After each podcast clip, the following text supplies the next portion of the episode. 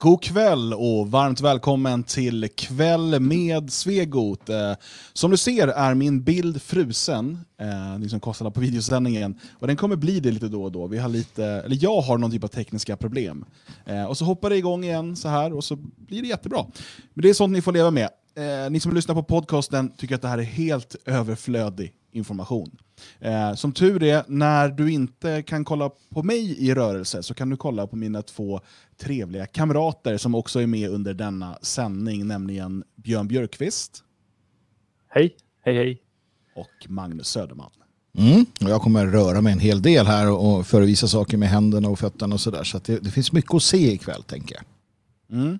Det ser vi fram emot, dina eh, rörelsemönster helt enkelt. Mm. Jag tänker Eh, den här sändningen, vi kommer ha ett, ett större tema eh, som säkert broderas ut åt lite olika håll. Vi ska prata, ja alltså titeln är Vem har makten i en demokrati?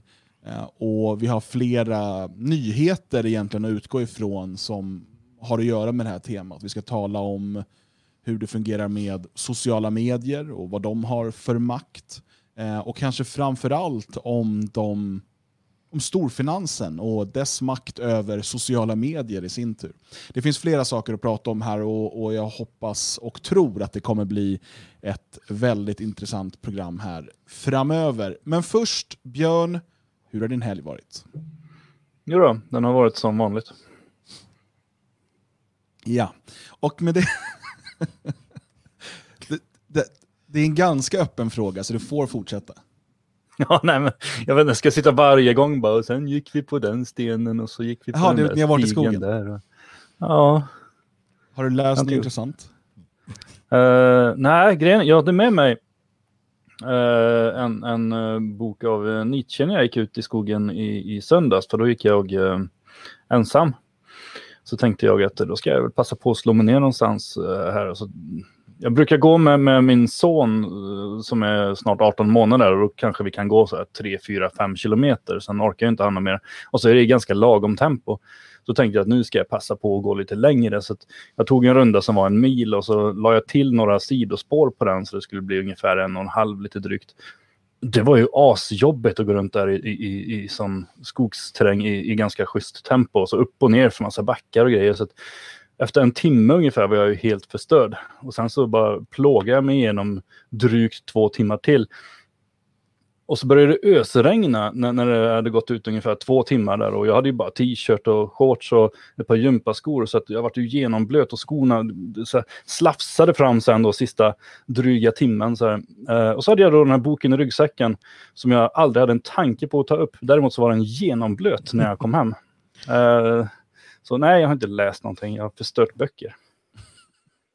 Usch då. Det är motsatsen till att läsa. Men du vet vad man säger, där man svettar ner böcker så svettar man snart ner människor. Mm. Mm. Så är det ju. Det var ju inte svett utan det var ju regn. Uh, jag svettas mm. ju inte ner i, det droppar ju inte så här från nacken ner i ryggsäcken. Jag vet inte. Uh, du är helt stel igen. jag uh, inte. En liten fråga bara, som de som lyssnar skiter i. vilken kvalitet var det jag skulle ha på bilden? Jag höll på att ändra på det förra veckan. Ta HD eh, så länge det går med ditt internet. Nej, det kan jag inte. 720 tror jag är max. Ja, men det är någorlunda HD. Så det har jag tagit. Magnus, hur HD har din helg varit? Nej, men det har varit eh, jättetrevlig helg. Eh, vi hade ett eh, evenemang här i Svenskarnas hus. Henrik Pilström, en gammal vän. Många har säkert hört honom spela. Det finns en del. Det är inte helt lättåtkomligt har jag kommit fram till i efterhand eh, på Youtube och sådär. Men det finns en, lite grann. Han släppte en skiva för tio år sedan också. Eller något sånt. Um, var här då och spelade uh, för oss. Uh, jag tar med mig att man kanske ska undvika att arrangera inomhusevenemang på sommaren. Mm. Det var fasligt varmt ska ni veta. Men å andra sidan fanns det ju god kall dryck och, och sådär. Uh, men det hände mycket i Svenskarnas hus uh, i helgen. Vi hade uh, lite murning och putsning. Uh, förberedelse för den stora, den stora fasadbytarveckorna som kommer. Vi hade delaktighet i lokala evenemang som, som gjordes här där, man har, där föreningen hjälper till och, och och så, så några hade avdelats till det. Sen hade vi då eh, husöppet då också såklart. Och sen så på kvällen så vart det den här den här, eh, det här evenemanget. Så att det är jättetrevligt, mycket att göra och alltid lika kul när, när det händer saker. Som, som sagt, vi har ju ett problem och det är ju coronaverkligheten. Um, personligen hade jag inte haft något problem om vi hade varit hundra man. Jag tror inte att det är ett problem uh, på det sättet. Speciellt inte, ni har sett de ännu nyare siffrorna som kommer. Va? När man har tittat på vilka som blir sjuka. Uh, jag såg att det drabbar tydligen mest fattiga, som de säger. Va? Mm. Uh, I Stockholm så var det ju typ bara Järvaområdet där folk hade strykit med. Vilket mm. är intressant med tanke, och, och Södertälje med tanke på den... Ja, men precis, får jag bara säga det. För skitsnacket då om att det handlar om fattiga. Det, är så här, det finns väldigt många fattiga på Sveriges lands och glesbygd. Fattiga. Mm. Alltså människor som, som verkligen de lever på existensminimum. Oh ja. eh, och det är man fattig liksom, i svensk mm. bemärkelse. Och det, är, liksom, det är inte så att de i Järvaområdet är fattigare än så. Eh, men Nej, där har det inte, spridits. Så det har inte Nej. alls med det att göra. Alltså det... Det, det... har ju inte det. Va? Så att, att, att eh, alltså, och, och någonstans här, när man blir medveten om det, så här, visst, okay, vi stängde ner Sverige för vad? För att de här människorna som ärligt talat bara har varit problem för oss. Liksom, nu, nu, nu, blev de, nu är det det här också. Och det, det, var därför det gick illa i, sjukvård, i äldrevården. Det har ju många av experterna också konstaterat. Och det var därför vi stängde ner Sverige. Det var därför. Det var därför vi gjorde allt det här. Uh, och inte bara Sverige då, som vi de facto stängde ner, inte på samma sätt som vissa andra länder, men, men så. Uh, och, och, det blir ju väl, det är väldigt provocerande när, när man tänker på det. Uh, och det är därför vi inte ska kunna vara 200 man i Svenskarnas hus.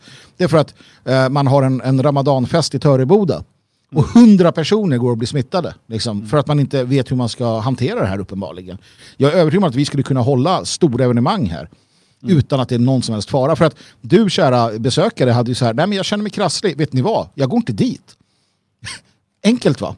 Mm. Uh, Dessutom ska vi inte glömma bort att förutom då när det gäller för äldre och liksom svårt sjuka och sådär, som alltid är en riskgrupp när det kommer virus, influensa och massa annat, alltså som kan dö av sånt som vi andra klarar av, mm. eh, så är det ju eh, alltså förut, förutom för dem så finns det också en genetisk förklaring här. Allt fler experter och forskare börjar prata om det nu. Att eh, Om man tittar på varför har till exempel Storbritannien och eh, Sverige vissa siffror och varför har Västtyskland helt andra siffror än Östtyskland till exempel. Mm. Eh, och Då börjar man kolla genetiskt eh, liksom vad liksom, att det finns vissa receptorer och så vidare. Inte mm. nödvändigtvis hos svarta, även om det kan finnas där också, men man kan se det hos Sydeuropa som är mer uppblandade med andra medelhavsfolk och så vidare. Mm. Det finns intressanta komponenter här. Man har, det finns också eh, de som talar om att ungefär 80% är immuna, eh, och framförallt då de av nordeuropeisk eh, ursprung. Man, man, kan ju tro här, jag vet inte, jag kanske är ute och cyklar va. Men man kan ju tänka sig att det här som står i första Moseboken, första kapitlet, var och en efter sin art. Det här att vi ska, skapelsen är här, den är skitbra. Var och en efter sin art, efter sin ras, efter sitt sådär. Man har det och det och det och det här ska helst inte bara mixas och blandas. Det är ingen bra idé. Alltså, hur, hur har man kunnat sälja in det här att jo, men, eh, allting blir starkare av att vi blandar ihop det? Då blir allting starkare. Det blir starkare folk, det blir starkare gener. Finns det något som liksom tyder på det överhuvudtaget? Det där är också en sån där provocerande sak. Sak samma förvisso, eh, sanning och rätt och, och vad som är eh, rimligt. Det, det, spelar ingen roll längre, det kommer vi komma in på senare naturligtvis. Men eh, med allt det sagt så går vi ju nu in här i huset i en fas då det blir fasadbyte. Eh, så, så, att väldigt mycket kommer ju kretsa kring det naturligtvis. Ehm, på nationalisterna så, så kommer det fortsätta som vanligt men i, i princip allt arbete läggs ner på det här och vi kommer ha folk som kommer hit och hjälper till och så. Du som lyssnar och tittar ehm, kan inte du vara med eh, hjälp till på andra sätt. Husfonden behöver dig. Husfonden behöver eh, dina pengar du kan köpa dig samvetsfrihet att du inte är här och jobbar genom att skicka in det du har råd med. Um, faktiskt. Och gör det för att eh, låt, oss, låt oss då tillsammans bygga det här huset och visa att, att uh, praktiserad nationalism det är en, en jävla bra grej helt enkelt. Mm. Ja, jo, precis. Och jag kan inte eh, trycka nog på det. Alltså, det vi gör nu, den här, det här fasadbytet, alltså vi sätter alltså en helt ny träfasad i nationalromantisk stil, eh, röd träfasad. Eh, vi byter alla fönster, vi slår till nya, fön ut ny, nya fönster eh, där det saknas. Eh, vi byter ut dörrar. Allt det här sker nu under sommaren. Det är den enskilt största investeringen vi har gjort i huset sedan vi öppnade. Eh, det, det är alltså både i arbetskraft, det är alltså människor som kommer lägga ner hundratals ideella timmar per person de här kommande veckorna. Eh, och det kommer kosta väldigt mycket pengar i material. Ni vet själva hur stort huset är och hela fasaden ska bytas. Alla fönster, alla dörrar. Eh, och Det är en risk vi tar genom att gå in och säga att vi kommer klara det här. Vi litar på att svenska nationalister kommer stödja husfonden och se till att eh, vi inte behöver ligga ute med våra egna pengar alldeles för länge. Utan husfonden ska kunna bära upp det här. Så att, jag menar, är du inte där och jobbar ideellt, se hur du kan hjälpa till på andra sätt. Och det absolut bästa sättet som de allra, allra flesta kan hjälpa till, det är husfonden. Allt ifrån några kronor upp till en, liksom så mycket som du kan. Um, och som du som har följt oss ett tag vet, varenda krona i husfonden särredovisas. Du vet var varenda krona går. Uh, och allt går direkt in i förbättrandet av huset. Och när den här sommaren är slut, fasadbytet är klart, nya fönster är på plats, nya dörrar är på plats. Vi har förberett för nästa års stora projekt som ju blir veranda och så vidare. Uh, så alltså, det kommer vara så vackert. Alltså mm. det här huset som var en övergiven butikslokal och mm. fabrik. Eh, som nu blir, eh, som nu blir eh, liksom ett, ett nationalromantisk bastion ja, för svensk nationalism.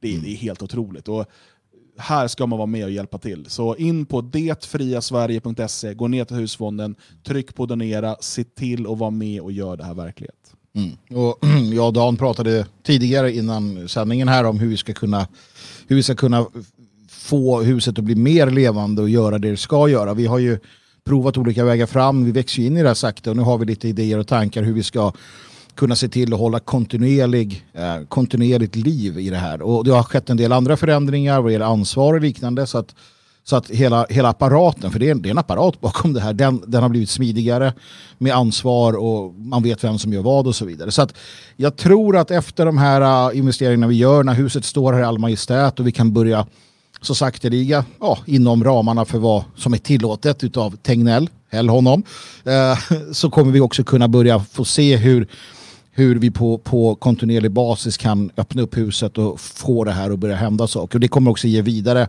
jag är helt säker på vidare, eh, cirklar på vattnet i hela den, den, den opposition som vi ändå eh, har kring oss. Så att jag tror att det kan bli riktigt spännande och bra. Mm. Uh, härifrån Elgarås. Uh, jag jag hörde från personer som, som var på plats nu i helgen, uh, som var där för första gången.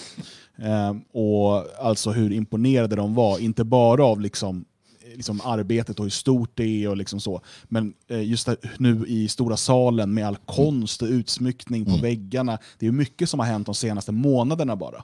Det är, det. Eh, det är en, helt, det är en helupplev, helupplevelse att komma in nu. Och Det kanske var någon som inte varit där sen, sen invigningen, då vi knappt, vi hade ju inte hunnit, vi hade bygga liksom en kafédisk och liksom fixa till och måla lite och sådär. Men att gå in nu, det är ju det är ombonat, det är varmt och härligt och sådär. Mm. Kanske lite för varmt nu i helgen, men det är sommar. Lite för varmt nu i helgen, men uh, nej absolut. Och, som sagt, bastionen är, är, byggd och den kommer behövas. En plats i verkligheten kommer behövas med tanke på det vi ska prata om idag. Då vi kommer kunna se att det kommer bli ännu kärvare, faktiskt. Ännu jävligare, faktiskt. Och ännu svårare för oppositionen. Uh, så att uh, huset, så viktigt det är, um, det, det, går inte att underskatta den här platsen i, i, i verkligheten. Precis, och när du säger det då, kan ju bara tänka tillbaka nu en tre år någonting. För att när vi, du och jag, Magnus, valde att ta kontakt med några till och för att starta då det fria Sverige och lägga grunden för Svenskarnas hus, så var ju det efter eh, att det återigen stått klart för oss att det här med så kallat fritt internet och yttrandefrihet mm. på internet eh, i den grad vi faktiskt fortfarande har det, även om den är inskränkt, men till och med i den grad vi har det nu, eh, ska vi absolut inte ta för givet och vi ska inte förlita oss på att det kommer finnas eh, framöver. Mm. För eh, verkligheten är den att allt fler oppositionella drabbas utav att deras bankkonton fryses, att de inte får använda Paypal eller andra eh, betalsätt på nätet. Eh, allt fler drabbas av censur av deras eh, servrar som beslagtas eller där de eh, stoppas från att använda olika servertjänster. Deras domännamn beslagtas. och Det finns ju, som jag varit inne på flera gånger, en hel pyramid här inom internet och liksom yttrandefriheten på nätet. där man måste förstå att vi kan komma åt de första lagren i pyramiden och liksom göra det själva så att säga. Men till slut blir vi beroende av att få tillåtelse att vara mm. där. Och Det är lite det här vi ska prata om idag. För att det är ju så att nu för tiden så utspelar sig en stor del, alltså majoriteten av den politiska debatten utspelar sig online.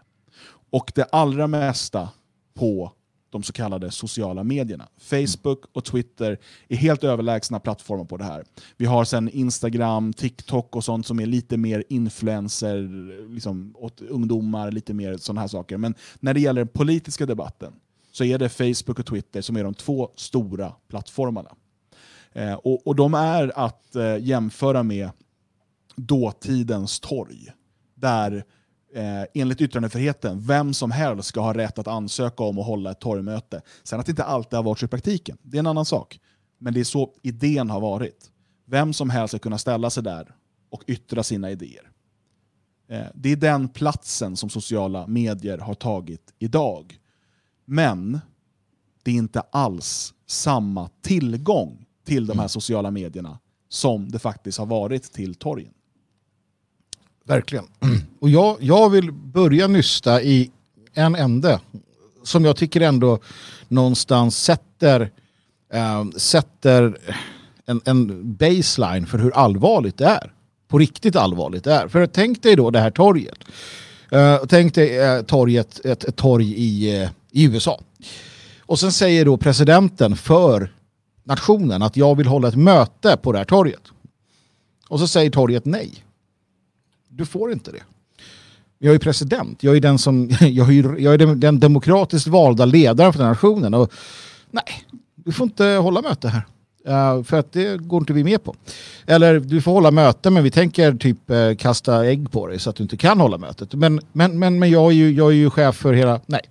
Och det är där vi är och det var det som fick mig att haja till när jag insåg eller när jag såg att big tech nu uh, har mage vilket eh, de inte tidigare haft, mage att censurera det man då kallar i alla fall för världens mäktigaste person, det vill säga USAs president. Vi kan, vi kan sitta och diskutera i all evinnerlighet om han är det eller inte, men utifrån hur alla, alla de flesta ser det så är det världens mäktigaste person som då någon Twitter-ägare, någon jävla, ärligt talat, någon, någon, någon liksom kuf som har gjort ett program Twitter, fixat, donat, kan då säga nej, du får inte, du får inte säga det här. Och, och, det är inte det att presidenten har uttalat sig på ett sätt som är olagligt enligt amerikansk lagstiftning. För det skulle man ju tycka är rätt. Alltså, bara för att du är president, och det här är ju grunden i Magna Carta, bara för att du är president eller kung så har du inte rätt att bryta mot lagen. Och det, det kan jag tycka är en bra idé. Men det är inte det som har hänt här, utan han sa eh, vissa saker. Han uttryckte sig till exempel att eh, ja, det här, eh, om, om, om Demokraterna får igenom det här så kan det leda till valfusk. Varpå Twitter går in och säger det här är fake, det här, är, det här har presidenten fel. Va? Och nu hotar man då med att kasta ut honom i princip. Och, och, och nu pressar man då Facebook till det. Det är det som kanske då händer. Och det är nu det blir spännande. Med tanke på hur, med tanke på hur viktiga de här, um, de här eh, liksom Facebook och Twitter har blivit så, som torg så kanske man då kommer jobba mot, och det verkar ju som det, att helt stänga av president Donald Trump och alla som är kopplade till Trumps kampanj lagom till innan valet. Det är valpåverkan. Alltså inför öppen ridå. Och det pågår just nu. Och det här tror jag att det går inte att underskatta hur allvarligt det här är. Mot den, den liksom, till och med mot den egna liberala demokratin i USA. Eller mot själva idén om för, alltså möjligheten att rösta och välja och vad du vill. Va? Uh, det här är, en, det här är en, en, en omstörtande revolution i västvärlden som utspelar sig just nu framför våra ögon. Och jag tycker att det här är en bra början att se. Ger man sig på president Trump, alltså president Trump, han som har Air Force One och knappen till, eh, till, till eh, de här missilerna. Vem stoppar man vid? Och hur kan de ha fått den här makten? Uh, ja, jag, jag nöjer mig så länge. Ja, jag ska lämna över till Björn, tänker jag. Släppa in dig i matchen. Ja, nej, men först så får vi väl eh, ta den här diskussionen som alltid kommer. Eh, det bör ju ändå diskuteras. Har inte privata företag rätt att göra vad de vill? Passar till Dan.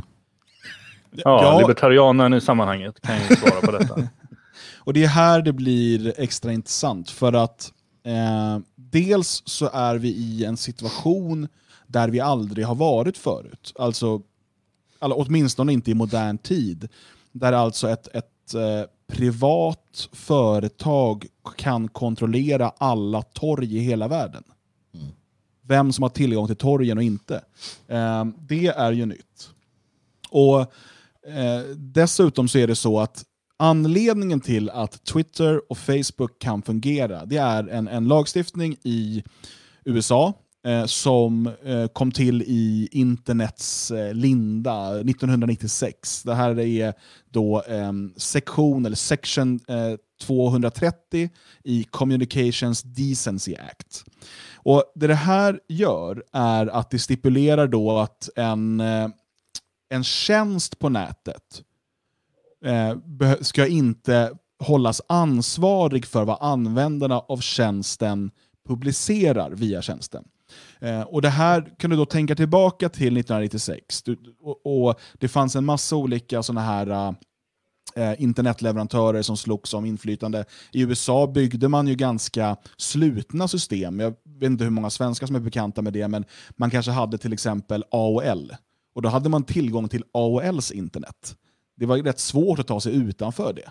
Utan man var liksom i den. I, i Sverige var ju torget en sån här eh, sak. Och så man var inne på, jag kommer inte ihåg vad det hette, de här olika eh, leverantörerna, men man var liksom var inne i deras internet på något sätt. Um, och eh, Det var ett sätt att kunna kontrollera också. Men för att öppna upp internet och inte göra då internetleverantörerna skyldiga, så valde man då att klassificera de här som en tjänst eh, eller en plattform i stil med posten eller telefonkommunikation. Eh, för att om eh, till exempel du gör någonting, du skickar, ett, du skickar ett brev med mordhot till någon, då är inte posten ansvarig för det. Utan det är du som har skrivit brevet som är ansvarig.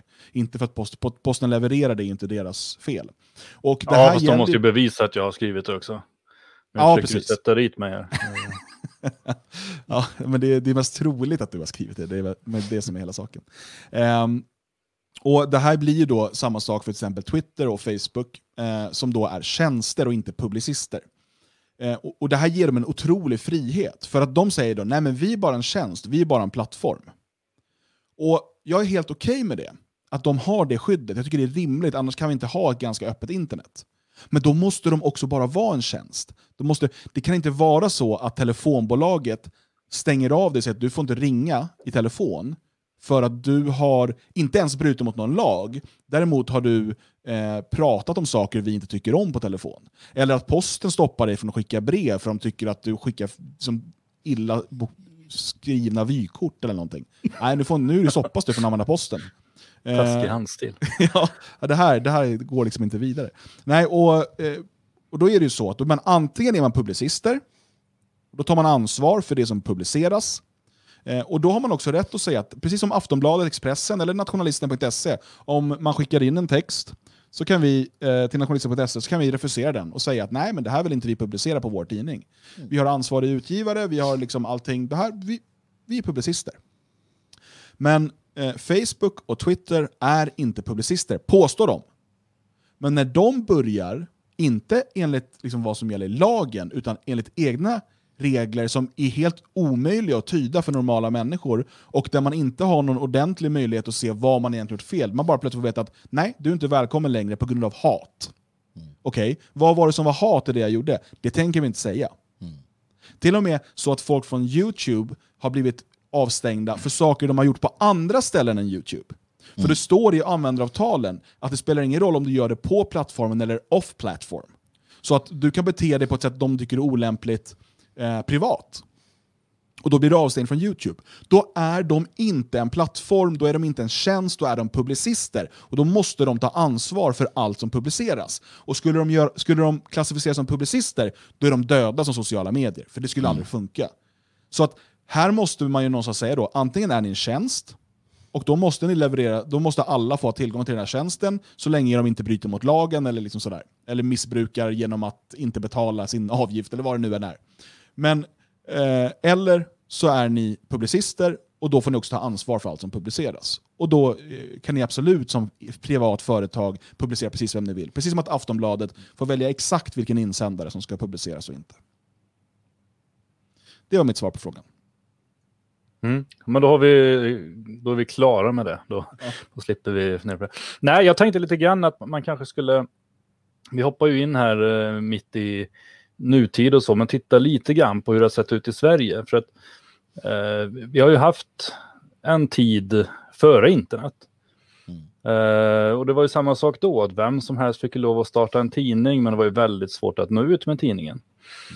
Eh, men då dök ju någonting upp som hette Pressbyrån som var ett privat företag med intressen bland annat i Bonnierfamiljen och andra eh, mindre eh, fosterlandsvänliga Eh, familjer så att säga. Och de eh, började med att starta upp de här pressbyråerna i anslutning till olika tågstationer och liknande. Och för att de skulle få göra det så blev det ett kontrakt med staten, i och med att det var staten som ägde järnvägarna och det var försäljning på tågen, det var försäljning i anslutning till tågen runt om i hela Sverige. Och mot eh, prestationen då från Pressbyrån, det var att de skulle inte välja själva vilka tidningar som skulle säljas, utan var det en, en eh, registrerad tidning så skulle den kunna säljas. Och det pågick i en eh, 20 år eller så och det fanns bland annat nationalistiska tidningar. Det fanns en tidning ganska välproducerad på den tiden som hette Värensbladet. Det fanns en tidning som hette, nu minns jag inte exakt vilken det var, men en av Nordiska rikspartiets tidningar, Solhjulet tror jag. Mm, som såldes alltså i pressbyråer runt om i hela Sverige. Mm. Tills de plötsligt kom fram till en dag att nej, vi vill inte förknippas med det här. Det började med några pressbyråer som tog bort dem eller ställde dem på undangömda platser och sen efterhand så var det en diskussion och då kom man överens om att nej, men vi ska inte överhuvudtaget sälja de här tidningarna. Delvis för att de sålde ganska dåligt, vilket då berodde på att de gömdes undan i butiken. Eh, och då bröt också- man ju mot statens eh, över, alltså överenskommelsen med staten, anledningen till att de fick lov att finnas. Det bröt man mot, men ingen brydde sig. Jag bara, eh, det där är ju intressant för det, det är lite sådär precis eh, som där vi är idag även om det då var papper och, och bläck. Men var det inte så också Björn att eh, i, i Solhjulets fall så var det väl för det här är också lite, det finns liknande idag, det var typografförbundet eller fackförbundet för typografer eller liknande som sa det att nej men okej, då gör vi så här. Om ni inte slutar sälja Solhjulet så kommer vi inte sätta en enda tidning mer. Mm. Jaha. Nej men oj, det betyder ju att, att eh, det betyder ju då att alla tidningar i Sverige skulle behöva upphöra med sin eh, produktion. För det skulle inte finnas någon som gjorde det jobbet. För de, de vägrade. Och, och där gick det undan för Pressbyrån. Ja men okej, då slänger vi ut de här. ah. För att, precis som nu, så att, att låta eh, liksom Oredsson eh, inte... Han kan ju skälla lite grann. Det är ingen som bryr sig. Samma sak idag. Det gör inget om du liksom kickar, Uh, som det har sett ut, det gör inget om du kickar liksom, ja, nationalisten eller Svegot eller sådär. Uh, skillnaden nu är ju att man uh, är beredd att kasta ut Donald Trump som är president i USA. Men det är ju en annan sak. Men bra, bra att du visar att det här är inget, det är inget nytt som kommer. Liksom. Nej, och en intressant liknelse med det du säger eh, Björn, det är ju att det Pressbyrån gjorde då under tiden som man någorlunda följde direktiven om att alla skulle ha rätt att sälja sin tidning där och så. Det var att man lyckades bygga upp ett eh, informellt monopol genom att ta så stor marknadsandel, eh, etablera sig överallt. Och sen när man väl har det eh, och slutar följa de här direktiven så är det i stort sett omöjligt utan en, en liksom groteskt stark finansiär i ryggen att kunna konkurrera med detta. Eh, precis på samma sätt som med Facebook och Twitter, som börjar väl, med väldigt bred yttrandefrihet, väldigt stark yttrandefrihet. Det var faktiskt så till en början. Um, och liksom alla kunde annonsera, och det fanns inge, eh, ingen sån här jätteavancerad algoritm, utan alla visades lika mycket. Det fanns inget, ingen skuggbanning eller shadowbanning där vissa inte visas och så. Utan samma sak med YouTube. Eh, var din video den mest populära, då syntes du på första sidan. Sen började YouTube säga nej men då började de kurera och vissa blev då skuggbannade och sådär. Eh, men då har man redan skapat sig ett, ett sånt eh, informellt monopol. Samma sak när YouTube går ut i början och säger, efter några år, och säger att alla som har sina videos hos oss, de får annonspengar, de får del av annonspengarna. Man bygger upp det, man köper upp alla konkurrenter, med eh, starka finansiella intressen i ryggen såklart som, som hjälper till. Eh, man köper upp konkurrenterna, man har det här informella monopolet, sen säger man ha! Nu får ni inga annonspengar längre. Eh, I alla fall bara de som vi har valt ut ifrån Disney och från de här eh, liksom etablerade, eh, och speciellt inte om det är politiskt kontroversiellt. Då får ni inte ett öre. Eh, och Plötsligt så kommer det en massa uppstickare, men vi kan ju bygga en videotjänst, vi kan bygga en videotjänst. Men de har inte en chans för att YouTube har genom eh, det här Eh, yttrandefriheten från början och genom att pröjsa eh, innehållsskaparna byggt upp ett informellt monopol där publiken finns. När man väl har det sparkar man ut alla obekväma eh, och eh, avskaffar liksom, yttrandefrihet på sin tjänst. Och jag tycker här kommer vi till det, för jag menar att, eller jag, jag, jag kanske är naiv, du får säga det i sådana fall.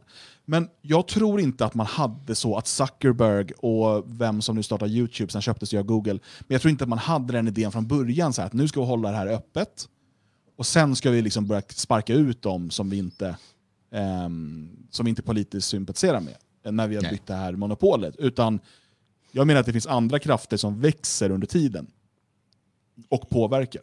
Ja, så hade jag startat Eh, något liknande i den åldern och sen har det gått så många år. Jag menar, man förändras ju. Jag menar, det gör ju de här också. Eh, det vi har kunnat se i samhället, eh, vi har ju sett det tidigare, vi var inne på det med Typografförbundet och sådär, men vi har ju kunnat se också, om vi tar Sverige som exempel, hur aktivister har allt mer blivit en del av ja, Migrationsverket eller vi hade UD som på fullaste allvar resonerade inför förra valet där de faktiskt då resonerade i ett internt cirkulär huruvida de skulle kunna eh, obstruera eh, Sverigedemokraterna om de fick makt. Alltså vi hade en, en tjänstemannakår i Sverige som innan valet var klart resonerade kring huruvida de kunde obstruera eh, och, och alltså, motarbeta den demokratiskt då valda eh, regeringen som skulle komma. Eh, och det där är ju på alla eh, planhalvor. Vi var inne på det förra avsnittet eh, när vi pratade om det här och, och jag kom på den här roliga eh, idén om att ja, men, eh, Sovjetkommunisterna lanserade hela den här kulturmarxismen i väst med en plan. Och planen var att på sikt ta över och sprida Sovjet. Sen försvann Sovjet, men planen fortsatte. Men ingen har kontroll över den. Och det här kopplas in där. För att du har en massa människor som växer upp i den här eh, eh, den, här, den här vansinniga, nu, det här självspelande pianot har blivit. Som har blivit så absurt. Så absurt att eh, Harry Potters Harry Potters eh, författaren till Harry Potter som, som var uppburen social justice warrior är hatad nu eh, för att hon sa att det fanns biologiska kön och sådär. Alltså, det, det, är en sån galenskap och, och här sitter du då som, som Facebook-ansvarig. Han för att du kommer komma in på det med pyramiden och det är viktigt i sammanhanget. Facebook kan stängas av så här snabbt. Alltså, det finns någon ovanför dem som genom en knapptryckning kan få dem att, ja men då har inte ni några pengar. Um, så att ju längre upp du kommer i den, och, och vilka är det då som sitter i eh, Mastercards styrelse, eller vad de nu heter, de här bankhusen, vilka är det som är där? Jo, aktivisterna har börjat fylla de posterna också. Det har kvoterats in feministkärringar eller vad det än är. Som vet att okej, okay, det är här pengarna finns. Ja.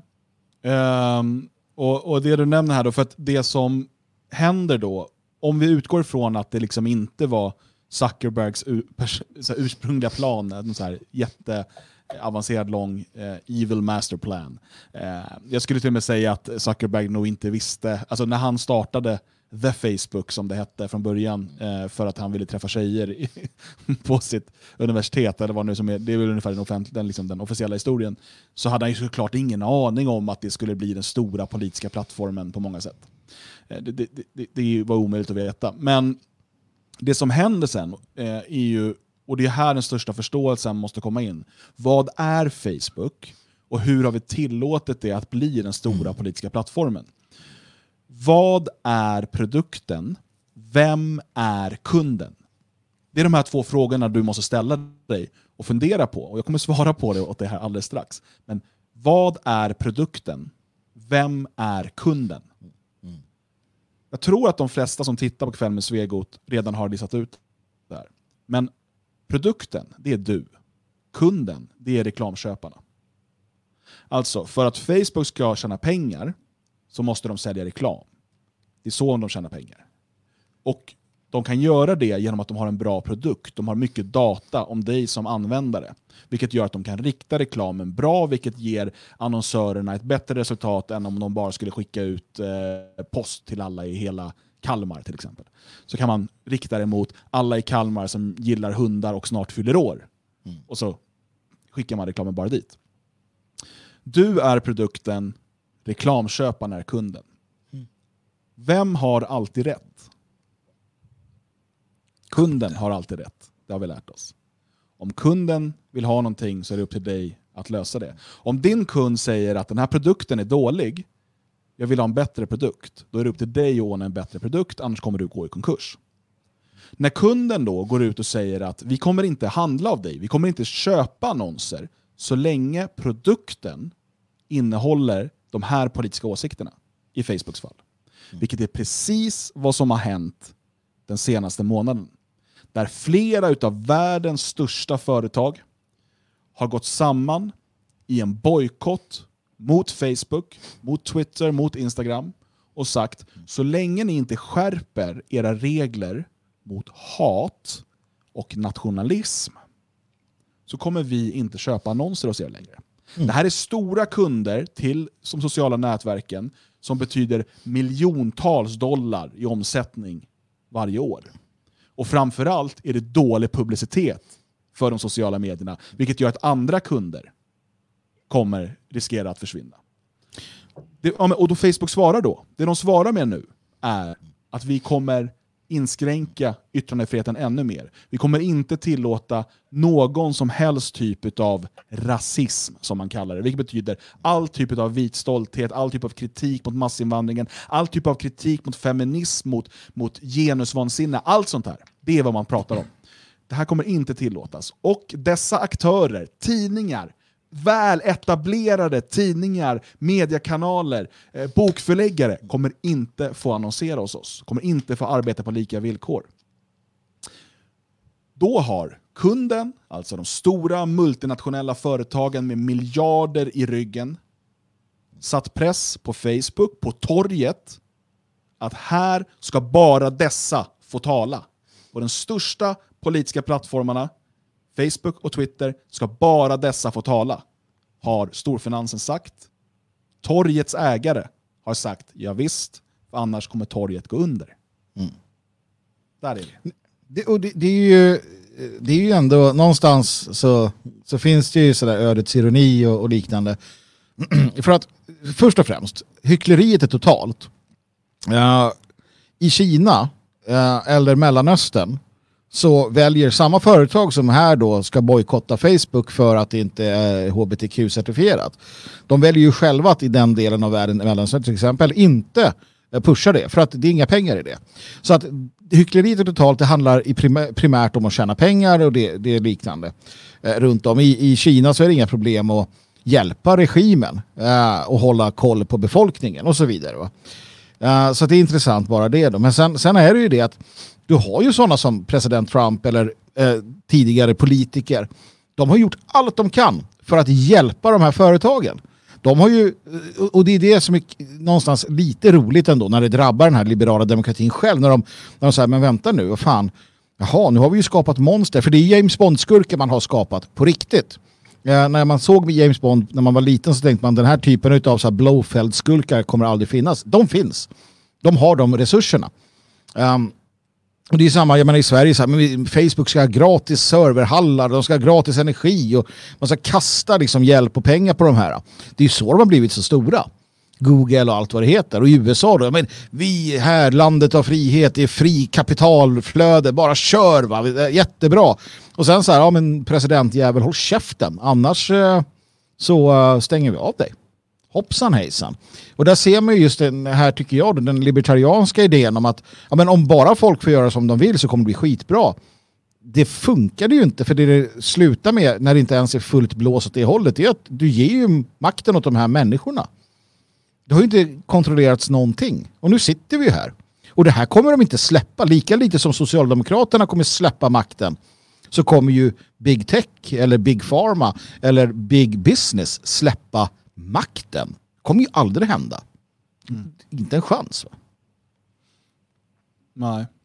Vad, vad, tänker du kring det här Björn? Jo, nej men det, det är ju helt klart. Um intressant. Jag menar, I Sverige har vi tittat på till exempel när, när, regeringen bjöd in flera av de här aktörerna och ställde krav på vad som skulle finnas efter att Expressen hade haft en kampanj mot sina annonskonkurrenter. Um, det, det, ett år sedan som Expressen gick mm. ut med flera artiklar där om att på YouTube kan man hitta det här och det här och vi har de här annonsörerna. Tycker ni verkligen eh, om att annonsera i de här filmerna? Och så börjar man trycka mer och mer och man vill att Google skulle ta bort sökträffar och så vidare. Och allt handlar ju naturligtvis om att Google, Facebook, YouTube, Twitter, alla de här stora aktörerna tar annonsandelar av i sammanhanget lilla Bonniers. Men politikerna köpte ju direkt eh, Bonniers kampanj och började ställa krav och satte igång med de här kraven. Men i det stora sammanhanget så är det egentligen en liten skitsak därför att även den svenska regeringen är ju ingenting jämfört med de här stora företagen. Vi har en, en um, maktkoncentration som har förflyttat sig de senaste 15-20 åren där makten helt och hållet egentligen har flyttat från regeringarna i den mån de hade makt innan uh, till de gigantiska företagen, där till exempel Google är en stark aktör. Google har ju betydligt mer pengar än vad, vad Sveriges regering har att röra sig med. Mm. Så att um, Visst, man, man, kan, man kan irritera sig på vad, vad, regeringen hittar på och det ska man göra. Inte minst för att deras politik, och kanske framförallt eh, allt under de perioder Moderaterna har styrt, den politiken har ju gjort oss helt beroende av omvärlden. Men, men det har ju fått absurda propositioner nu när, när de kan eh, helt och hållet sätta agendan. Och vi kommer även se det i svenska val. Uh, hur, hur, man kommer lyfta fram vissa aktörer mer än andra. Man kommer kväva vissa aktörer. Det skulle inte förvåna mig om Sverigedemokraterna kan få sina konton stängda lagom till nästa val till exempel. Så kan de försöka ropa ut bäst de kan.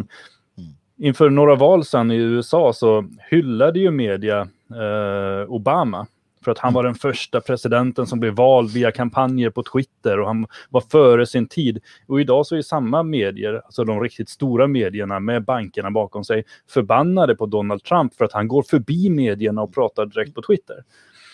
Mm. Twitter är bara bra när uh, vänsterliberala aktörer använder det, medan när andra gör det så är det ett hot emot det fria samhället. Och det är ju där mm. någonstans i en absurd situation vi har hamnat i.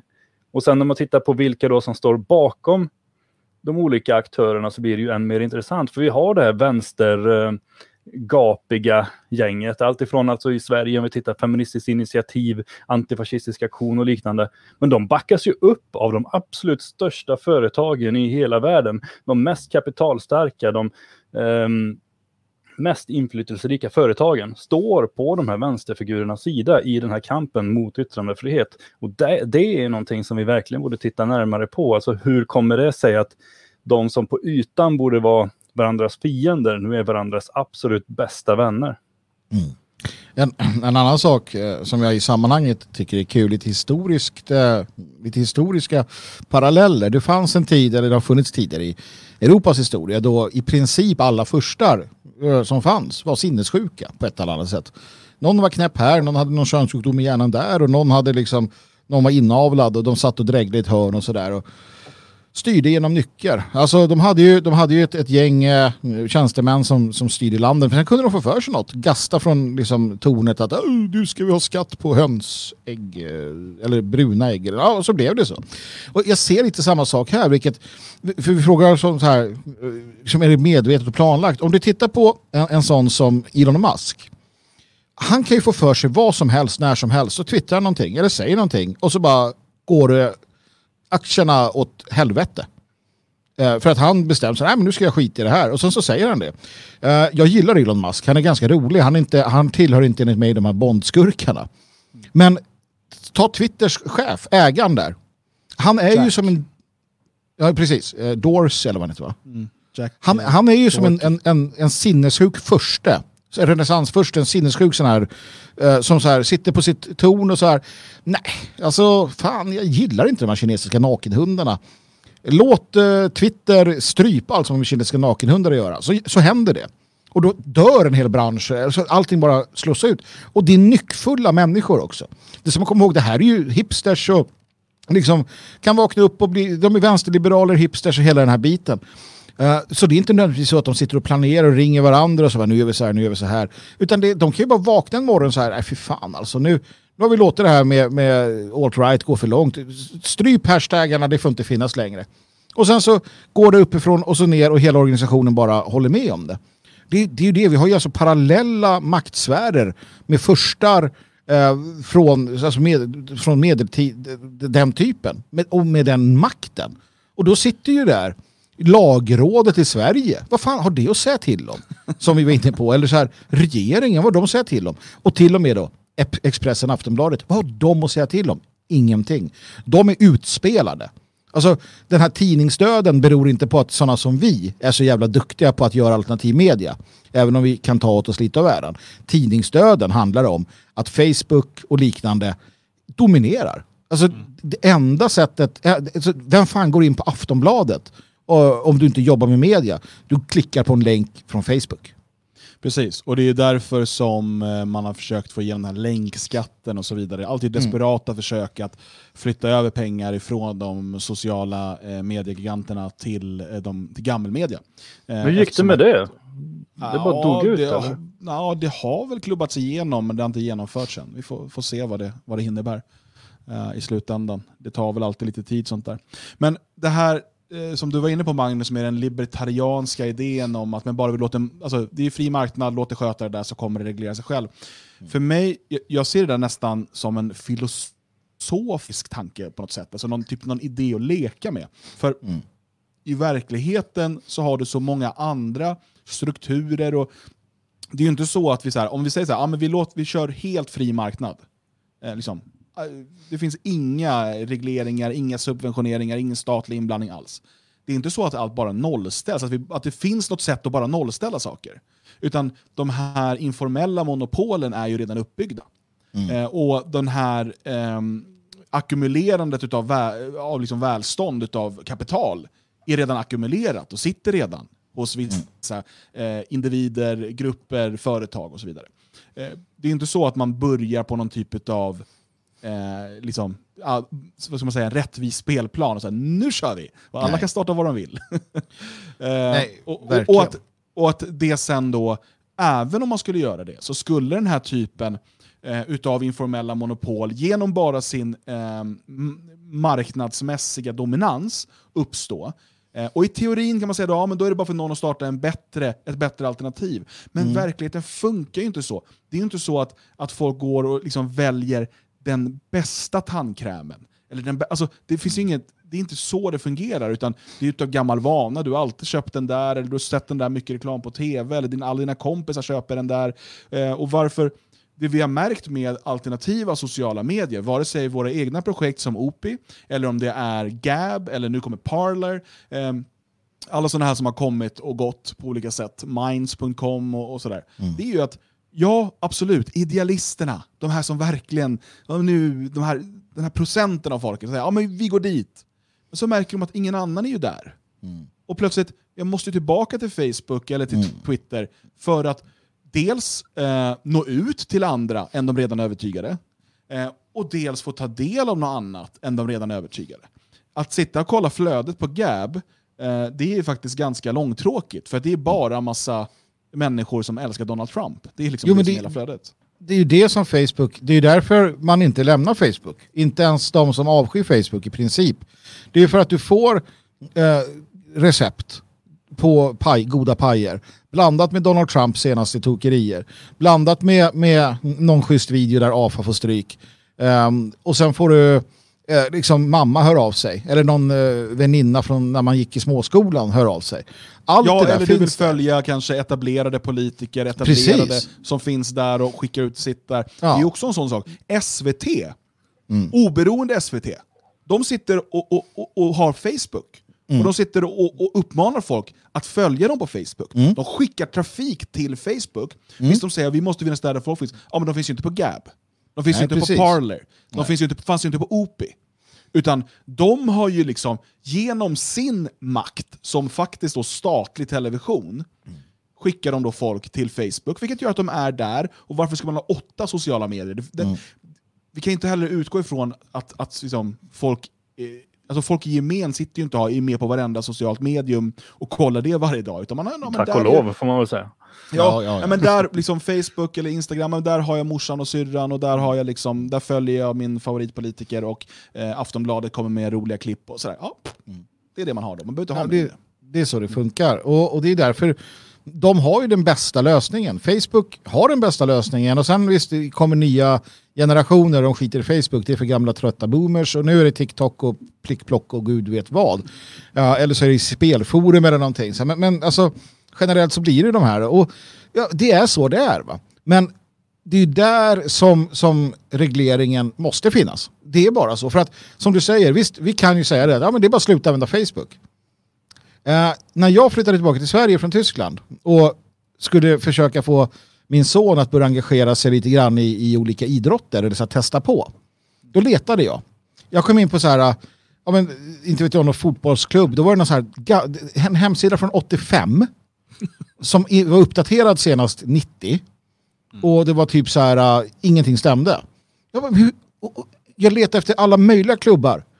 Och också till mig själv. Hittar ingen, det finns ingen information. Svenska, riks, eh, Svenska idrotts... Riks, vad det nu heter, har någon sida som... Den, den går inte att manövrera på. Det är, bara, det är hopplöst. Jag, jag, jag, vad fan, varför hittar jag det här? Facebook. Alla har ju Facebook. Det är ju där klubbarna finns. Det är där. Så Jag vill jag, om jag vill att min son eller jag själv ska kunna engagera mig i det normala lokalsamhället, då måste jag ha Facebook. Blir jag avstängd från Facebook, då stänger de av min familj från stora delar av civilsamhället.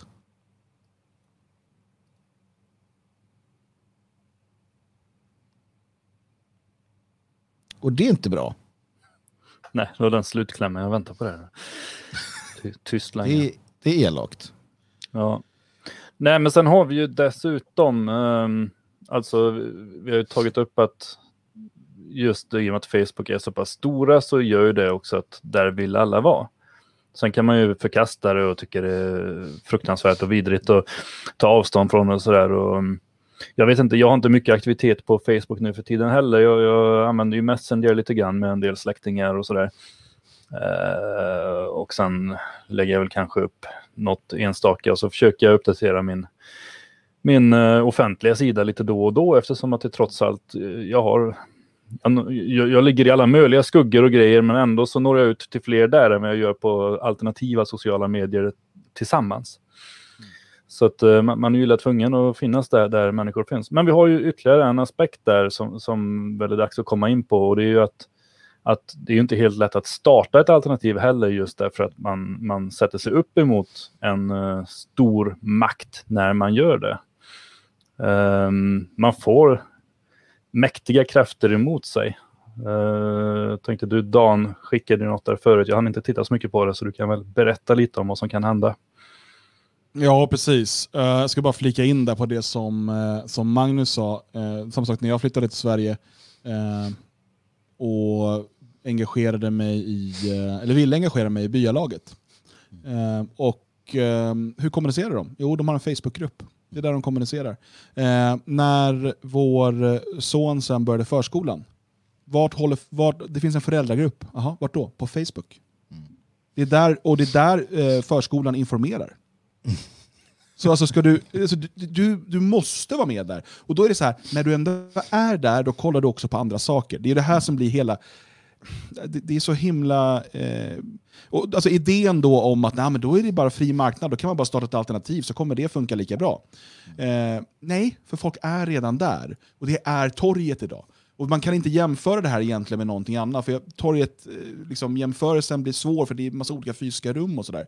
Men det här är det är här människor är, det är här den politiska diskussionen är. Och ett annat sak då som gör det faktiskt omöjligt, omöjligt att på allvar starta ett alternativ, ehm, det är att det finns den här pyramiden. Det finns fler delar. Du kan idag starta ett alternativt socialt medium, säg Gab till exempel. Det finns. De har haft oerhörda problem på grund av pyramiden. De har blivit av med sin serverplats, de har till slut lyckats lösa det. De blev av med sitt domännamn, de lyckades lösa det genom att det var en sån här domänregistrar som gjorde, liksom, gjorde en stor grej av att nej, men vi tror på yttrandefrihet, här får ni registrera. Det kom eh, press ifrån eh, de som har DNS-servrarna, alltså de som ser till att när du skriver in ett domännamn så eh, pekar det vidare till en server, för en, en, en server har ju normalt sett en IP-adress som adress, alltså 197.68.65 och så vidare. Eh, och Det finns ett antal sådana här i världen eh, och de sätter press på nej, vi tänker inte skicka till det här domännamnet. Men allt det här har man lyckats till slut gå runt eh, och, och, lösa på olika sätt. Men då kommer man till nästan högst upp i pyramiden. Jag säger nästan högst upp, för det går att komma ännu längre. Hur ska du finansiera det här? Gab sa okej, okay, vi kan inte förlita oss på eh, sponsorer och, eh, och eh, annonsörer för att de kommer börja ställa krav på innehållet, precis som de på Facebook och Twitter. Så vi har ett frivilligt Pro-medlemskap. Du betalar 5 dollar i månaden, så får du lite extra funktioner, du får någon fin liksom, märke och du känner att du stöttar eh, någonting viktigt. Eh, yttrandefrihet på nätet. Och Gång efter gång förlorade man möjligheten att ta betalt med kort. Vilket är avgörande för att kunna driva fungerande eh, affärer på nätet. Speciellt sådana som där du ska ta betalt varje månad löpande. Du kan inte hålla på och liksom skicka ut fakturor till folk. Eller, du kan absolut be folk att ja, men, ha en stående överföring, men alltså, människor är vana vid att klicka i här mitt kontonummer, eller mitt kortnummer, eh, eller Paypal och sen så funkar det där. Det är det som folk förväntar sig. Du kommer, om du inte kan ta betalt med kort så förlorar du 80-90% av dina kunder. Så. Det är så det fungerar. Och du som tittar nu kanske är superidealist och bara men jag är beredd att jogga dit med kontanter. Ja, men de flesta är inte det. Det, det är, liksom, det, det är så verkligheten är. Och till slut så hittade man en sån här betalningsprocessor, då, alltså ett företag som gör att du kan ta, ta betalt med kort, som sa, vi, de kallade sig till och med för Second Amendment eh, Payment Processing, tror jag de kallades för. Eh, alltså de är för yttrandefrihet. Alla ska ha rätt, så länge de inte bryter mot lagen, att ta betalt för sin, sin tjänst så länge den är laglig. Det är liksom så enkelt. Vad händer då? Jo, Visa. Ni vet, Visa. Världen tar Visa går ut och svartlistar Gab. Mm. Inklusive familjen Torba, alltså Andrew Torba som har grundat det här. Alltså han kan inte ens, om han skulle öppna ett, eh, en butik idag så skulle inte han ha rätt att ta betalt med Visakort, även om den var till för att sälja apelsinjuice. Mm. Helt laglig apelsinjuice. Han är nu svartlistad hos Gab, eller hos eh, Visa, och Gab är det. Så då försvinner, då fick antingen den här Eh, betalningsprocessorn fick, fick då välja. Hela deras företag läggs ner för att de kan inte längre använda Visa. Vilket är avgörande för att kunna ta betalt med kort på nätet. Eller säga tyvärr Gab, vi kan inte hålla oss till det andra tillägget, second amendment, till yttrandefriheten. För att Visa har sagt att han och det här företaget ska inte få ta betalt på nätet. Då tänker du, men då finns ju Mastercard. ja, det gör det ju. Mastercard fungerar på exakt samma sätt. När Patreon, ni vet den här tjänsten där du kan betala eh, x dollar i månaden för att stötta någon som du tycker om och då få tillgång till exklusiva saker. När Mastercard gick in och sa den här personen ska inte kunna använda Patreon, då får inte ni använda Mastercard. Man gjorde det till exempel med Robert Spencer, han som har den här Jihad Watch. Um, man gjorde det med massa andra också. Patreon var då tvungna att säga att nej, vi, vi kan inte ha yttrandefrihet på Patreon för att Mastercard säger då att då får inte vi ta betalt med Mastercard. Mastercard har visa de två överlägset största kortleverantörerna i världen eh, och två utav väldigt få som har tillstånd utav Världsbanken eller vad det nu heter, det här, jag kommer inte ihåg, det är inte Världsbanken, det heter något annat. Det här supranationella, överstatliga organet som gör att vi kan liksom, ha eh, kortbetalningar. Eh, de säger nej. Det blir ingen yttrandefrihet på nätet. Vi bestämmer vem som får ta betalt. Vi bestämmer vem som får betala. Vi bestämmer vem som ska få äta. Mm. Där har du, alltså, det är den status vi har idag. Du kan säga mycket du vill, men bygg, ditt eget, bygg liksom din egen hemsida, ditt eget sociala medier. Det går inte. Det går inte att finansiera. För vi, i bred bemärkelse, vi som vill ha ett, en plats med yttrandefrihet, vi tillåts inte ta betalt med kort på nätet. Nästa steg, lyckas man ändå då, för Gab hade vissa framgångar, vi ser att de hittar ett sätt med kanske banköverföringar. Gissa vad som kommer hända då? Det som har hänt dissidenter i Europa i årtionden. De blir av med sina bankkonton. Kolla hur det går för Nordiska motståndsrörelsen i Sverige idag. De har inte rätt att ha bankkonto hos någon bank. Och Sverige har ganska fåtal banker. De kan inte öppna bankkonto. Och det är inte de enda som har drabbats. Det här har gått, varit liksom för nationalister under lång tid. Front National, eller Ressemble National som de heter i, i Frankrike nu. De, blev av med, alltså de var näst största parti i Frankrike och kunde inte ha ett bankkonto i Frankrike. Var tvungna att öppna ett bankkonto i Ryssland. Det är alltså där vi är. Och, och då måste, det är därför den här frågan som vi ställer oss i den här sändningen idag. Vem är det som har makten i en demokrati? Mm. Ja, men det blir ju också, och det är det här som jag tror det, det spinner utom kontroll. För att nu, nu ser vi ju då, om vi tittar en annan aspekt av det här, det vi ser nu är ju att i den här processen som pågår i, i västerlandet, alltså om, inte omformat, omstörtandet av västerlandet, så började det någonstans med någonting och sen så bara fortsätter det och fortsätter det. Nu såg vi till exempel, jag tar J.K. Rowling igen då som ett exempel, eh, hon som skrev Harry Potter.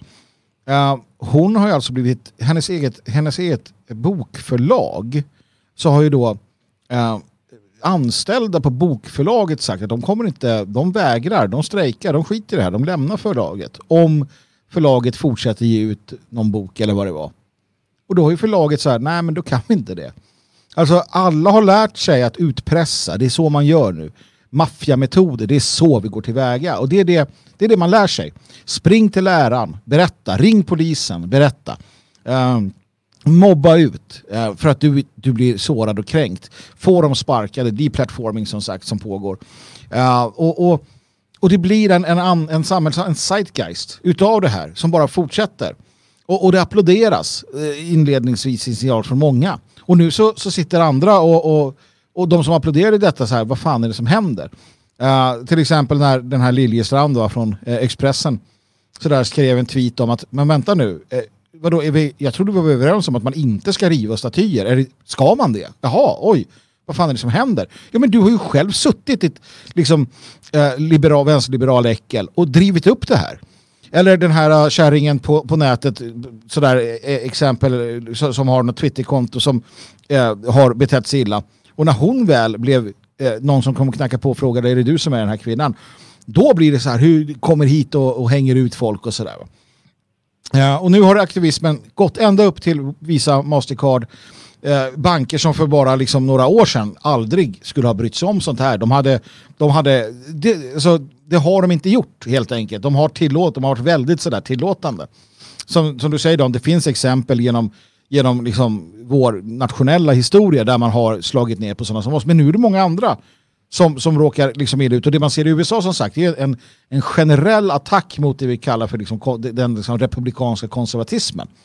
Um, hur länge kommer, kommer Fox News finnas? Och hur, hur länge kommer, kommer de kunna använda de här? Till exempel. Tucker Carlson, om man säger då, ja, men Tucker för, visst, ni Fox får ha kvar Visa och Mastercard, men Tucker får inte vara eran, uh, han, får inte, han får inte sända hos er. Ja men vi vill ha kvar honom, ja, men då får ni inte ha Visa och Mastercard. Nej men då kan vi inte ha honom. Alltså, alla böjer sig för de här till sist för att man måste kunna äta och då är vi inne på Uppenbarelseboken. Då är vi inne i att, att uh, om du inte har det här kortet, det här märket, då kan du inte äta. Mm. Um, och, och, då blir det väldigt uh, tråkigt för väldigt många naturligtvis. Men, Men eh, det är ju ditåt man någonstans eh, är på väg helt enkelt. Och ja, det är intressant du sa bara som en kommentar det sista där Dan. Du sa att ja, det finns idealisterna som säger men då springer vi och lämnar pengar där. Men det där, där finns ju inte för de flesta. Uh, och då knyter jag ihop till det du sa initialt med vad vi gör. Det är ju för att det här, det finns här. Du kan springa hit om du vill hjälpa till. Mm. Precis. Uh, och hela liksom jag ska inte säga idén, men att vi fick eh, tummen ur och, och gav oss själva en spark där bak och sa att nu gör vi det här eh, och bygger Svenskarnas hus. Eh, det var ju just för att vi såg det här hända. Och det blir allt intensivare. Vi har haft helt rätt i vår analys i behovet av en sån här fysisk träffpunkt. Så att återigen, har du inte gjort det, in på detfriasverige.se, stöd husfonden.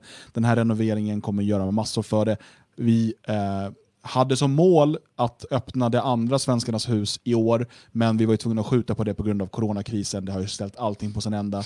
Vi lägger nu fullt fokus på att göra det här första Svenskarnas hus så underbart vackert det bara kan bli i denna nationalromantiska stil, faluröd färg.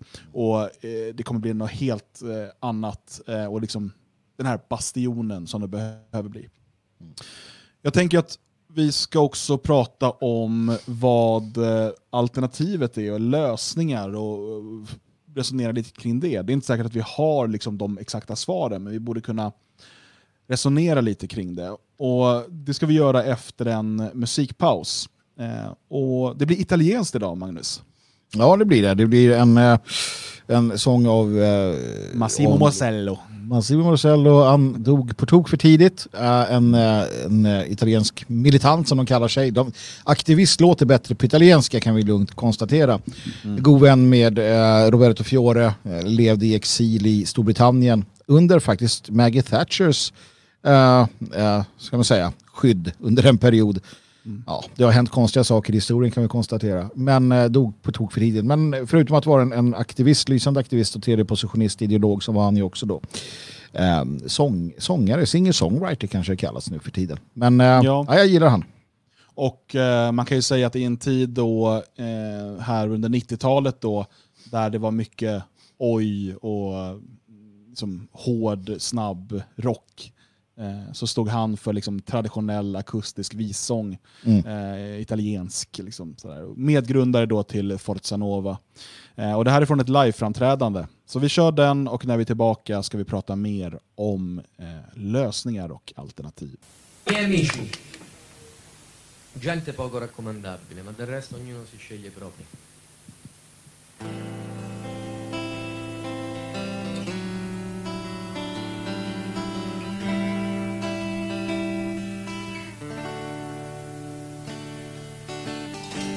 I miei amici hanno tutti occhi neri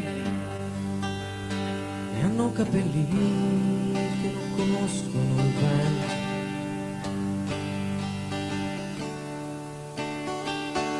Hanno sogni che sono di ieri e ci sognano da sopra il cemento.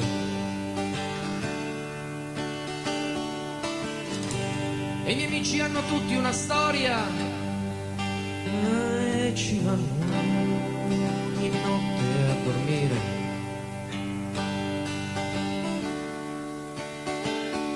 I miei amici hanno tutti un'ora d'aria, si coprono bene prima di uscire.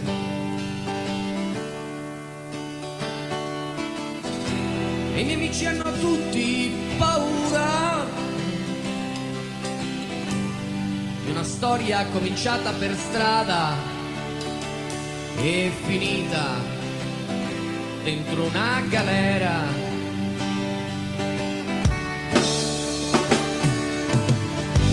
E i miei amici hanno facce fresche, occhi puliti e puntati nel sole. Hanno le mani dentro le tasche, non hanno il fango sotto le suole. E i miei amici non hanno futuro, ma ci stanno quasi sempre a pensare. E disegnano sopra il muro le vele gonfie di una nave e i miei amici parlano poco di una storia cominciata per strada e finita quasi per gioco.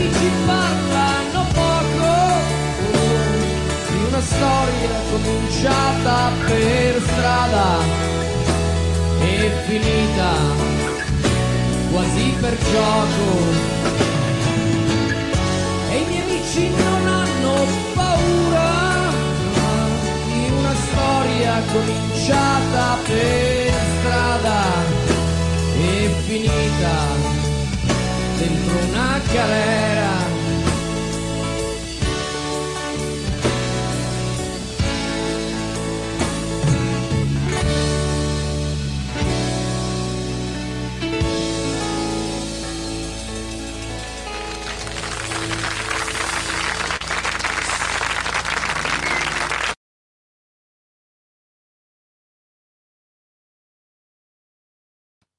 Sådär. Um, alltid när jag hör Massimo Marcello eller andra nationalister, fascister, tredjepositionister, nationalsocialister och så vidare som, som har gått hädan Eh, så blir jag sån, dels blir jag fylld med liksom vördnad för allt de gjorde innan oss, men också utav en pliktkänsla att fortsätta Eh, och förvalta det viktiga arbete som så många innan oss har offrat så mycket för. När man, och Det blir så mycket mer levande när man kan se som Massimo här på scen i sitt rätta element eh, med den här lidelsen i rösten.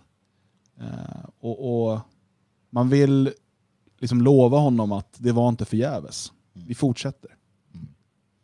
Ja, speciellt sådana som Massimo och de som upplevde de här järnåren, då, eller blyåren i Italien.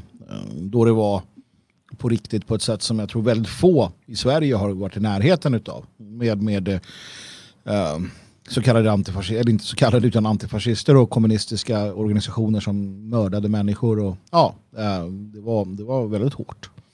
Och eh, vi får se va, men eh, eh, vart vi är på väg någonstans efter den senaste tidens händelser som, ja, som, som växer i styrka ändå lite grann. Eller de, de, de, det svalnar inte av i alla fall. Och, och sen hela den här uh, hela den här coronasaken och vad som blir av. Va? Det, ja, det kan vara jobbiga år som ligger framför oss utan tvekan.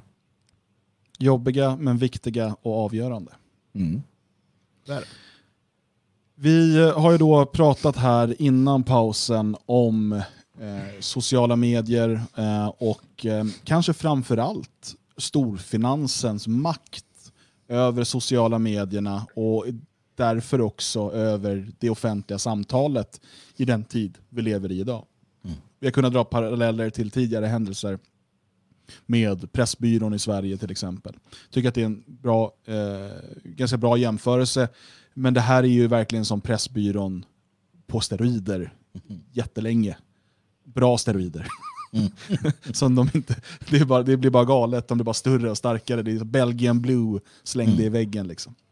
Eh, och det är där vi är idag. Och vi ska inte göra oss några illusioner om att vi har makten att förändra det här. Vi sitter inte på politiska mandat att förändra eh, och vi kommer inte att göra det inom överskådlig framtid. Eh, jag tycker att det är bra och viktigt att ha det klart för sig. För att ibland får jag, när jag ser diskussioner och folk som resonerar får jag känslan av att det är någon typ av att man lajvar politik. Man sitter helt utan inflytande och går in på detaljnivå hur saker ska göras.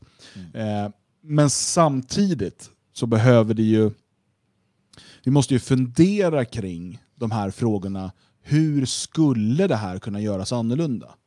Vad vore ett rimligt alternativ? För att det är också det andra felet man kan göra eh, från att liksom lajva politik, det är ju att stå vid sidan om och bara gnälla.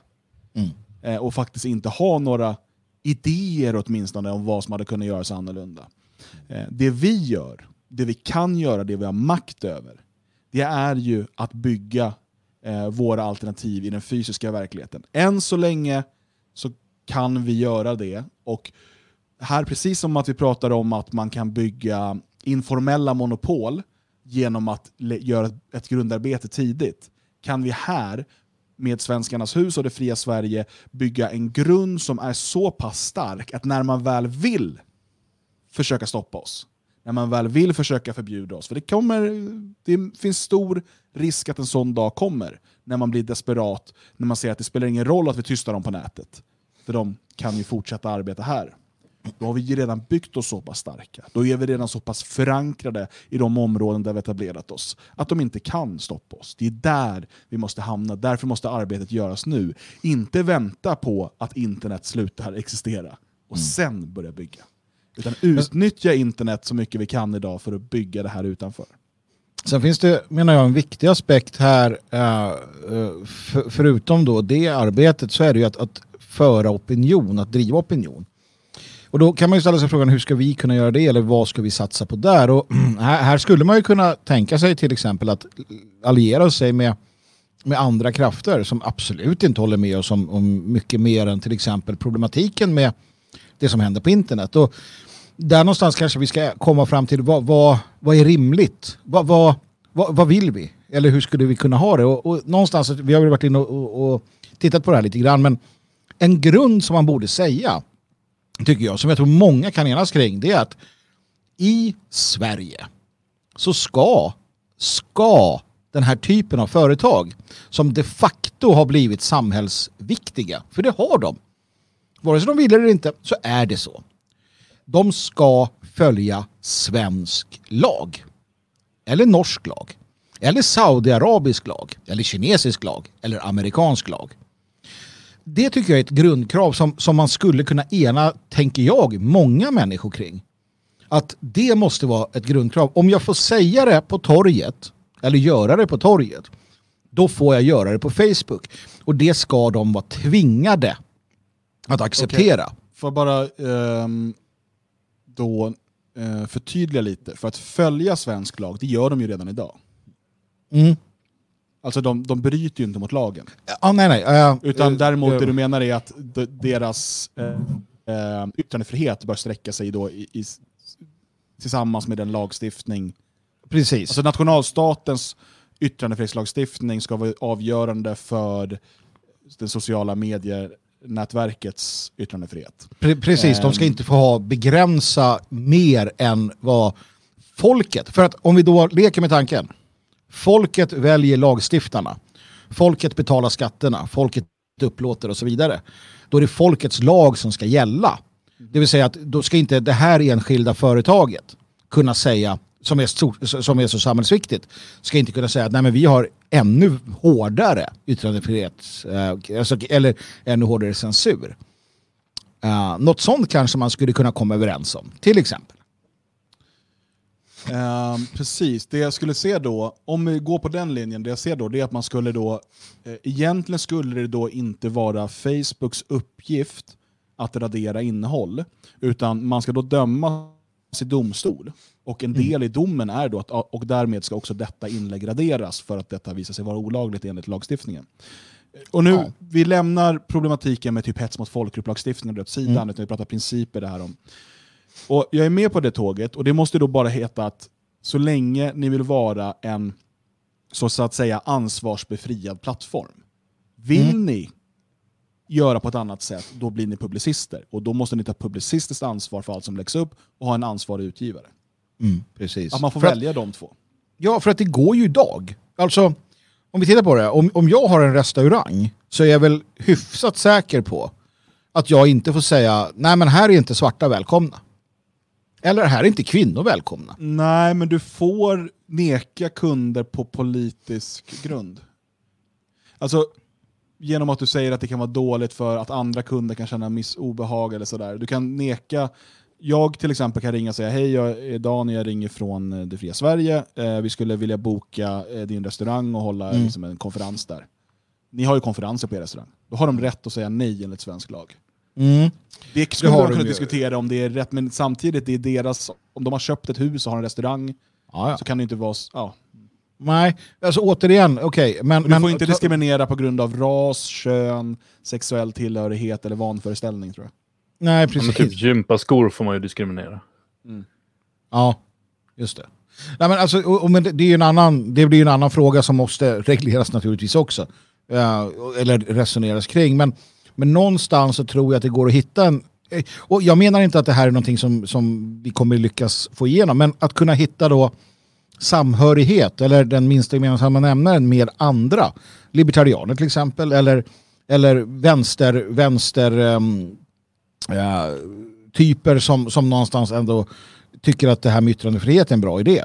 För att man ska ju inte tro att det här kommer sluta med oss naturligtvis. Det här är ju bara början och, och sen blev det då eh, de här, eh, jag menar Hanif Bali, eller vi har ju sett hur, hur Patreon har stängt av folk som i vår värld är liksom, vad fan, det, det är inte bara mellanmjölk, det är ju liksom, vadå, det är ju en människa som helt Jo men du ser ju det som händer när Alexander Bard blir deplattformerad eller sådär. Det, det, är liksom, det är ju där, det är där vi är idag. Jag såg nu, det sades flera, flera gånger här i chatten nu att eh, Stefan Molyneux har blivit borttagen från Youtube. Ja, du ser. Eh, och han har visserligen sagt en del kontroversiella saker, alltså för vad de tycker är kontroversiellt. Ja. Eh, han har till och med haft med, han har med så här forskare som typ hittat skillnader mellan raser och sånt där. Jaha, Eh, sånt ska oj. man inte prata om. Eh, kritiserat feminism och abort och sånt här. Men Karn är filosof. Ja, Alltså, och, och du- han är ju uppenbarligen, har man följt honom ett tag så han kan helt byta riktning om han tycker att vad han menar då fakta och argument pekar i den riktningen så går han dit. Han har ju Mm. ändrat sig i massa frågor. Eh, han har gjort ganska bra videos på det som du säkert kan hitta som podd. När liksom, Mm. ehm, I was wrong about, och sen så har han I was wrong about Jesus, Mm. I was wrong about, och så går han igenom allt det här. Klart han var. Men, men för det är ju samma, jag menar, och det blir ju, men å andra sidan det är inte första gången man, man så att säga mördar filosofer. Det har ju hänt, hänt i gamla Grekland också. Här, drick det här din jävel, vi vill inte lyssna på ditt prat. Um, så det, det är inte heller nytt på det sättet faktiskt. Uh, men, men ändå så bör man ju dra öronen åt sig. Det är som att Torbjörn Tännsjö, jag hatar Karn. Jag hatar honom, jag hatar allt han står för. Och han provocerar mig på ett personligt plan när jag ser honom. Men han är filosof. Uh, och han har de mest sjuka idéerna. Han har försvarat post, postnatal abort till exempel. Tycker att jo, men det kan man väl Postnord. göra. Ja, precis. Postnord, postnatal abort och så vidare. Eh, men han vill inte jag se det plott, alltså jag vill inte se han sparkad från universitetet för att han tycker så här. Däremot vill jag se att en, en eh, Heidegger eller en, en, eh, en Molyneux eller en eh, Peterson eller en liksom till och med helt fanatisk nationalsocialist med, med filosofi, eh, doktor, kandidatexamen ska kunna jobba där. Så att jag kan skicka mitt barn dit och säga här grabben, lyssna på de här. Den ena är tokigare än den andra. Men de är, de är belästa, de är smarta, de har tänkt på saker. Lyssna på dem allihopa och fatta beslut.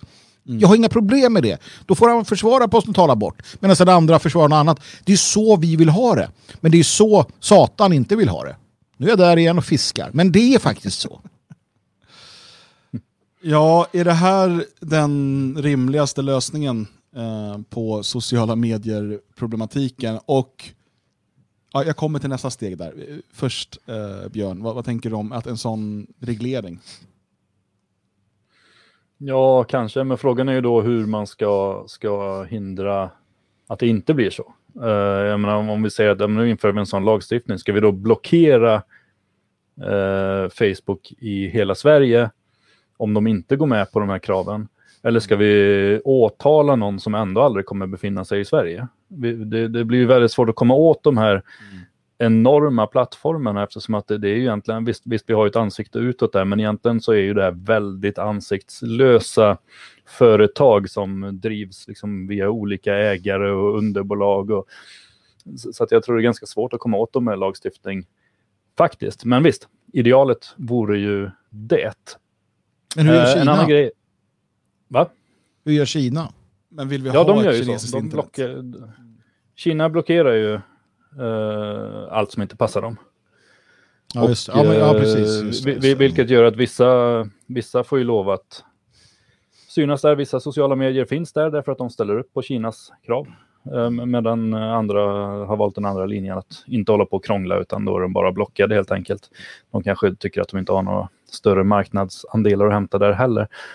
Eh, Men det jag tänkte på, alltså att det här händer just nu är ju ändå någonting vi måste titta lite grann på för att det är ganska eh, Eh, intressant och i det stora hela eh, någonting positivt, ett vitt piller i allt elände. Och det är, jag menar, vi har ju sett, vi har ju känt det här nu i många år, att, att det är våra vindar som blåser. Vi har sett det liksom med att Trump blev vald, alltså visst, han är inte vår kille, men det är ändå våra vindar som blåser fram honom. Vi har sett eh, Brexit, vi har sett ehm, nationalistiska och populistiska partier i land efter land efter land som går framåt och blir starkare och starkare. Och vi har ju känt någonstans att nu kan ingenting stoppa oss. Det här är ju motreaktionen, det är ju det som händer nu. Eh, det här är ju vänstern och globalisternas sätt att sätta sig emot våra framgångar. De har märkt att argument biter inte, de kan stå med sin känslotrams och hålla på, det biter inte. Eh, därför att människor lever i en verklighet som inte de ens kan föreställa sig. Och då blir ju alternativet att eh, slå i med gamla beprövade metoder. Förbjuda, hindra, använda pengar, eh, piska så mycket som möjligt för att få tyst på eh, de krafter som just nu håller på att växa sig starka. För vi växer oss starka och det går framåt hela tiden. Även om de som just nu kommer in i verksamheten tycker att åh vad sakta det går och nu har jag varit med ett år och det har inte blivit någon revolution. Men det pågår en revolution och den pågår ganska snabbt faktiskt. Och det är det de här krafterna sätter sig emot och då kan de enas också. Man kan tycka det är konstigt att eh, de här eh, Eh, globala företagen enas med vänstern, men de har ju samma idéer i grund och botten. Vänstern skriker om en värld utan gränser. Ja, men vad bra tycker storföretagen, därför att en värld utan gränser innebär också en världsregering. Och de är ju väldigt enade på de här grundläggande frågorna. De vill förneka raser, de vill förneka kön, de vill skapa allmän förvirring. Vänstern för att de tror på någon slags eh, eh flummig idé om alla människors lika värde och eh, om vi säger då högern, den riktiga eh, extrem hög, alltså eh,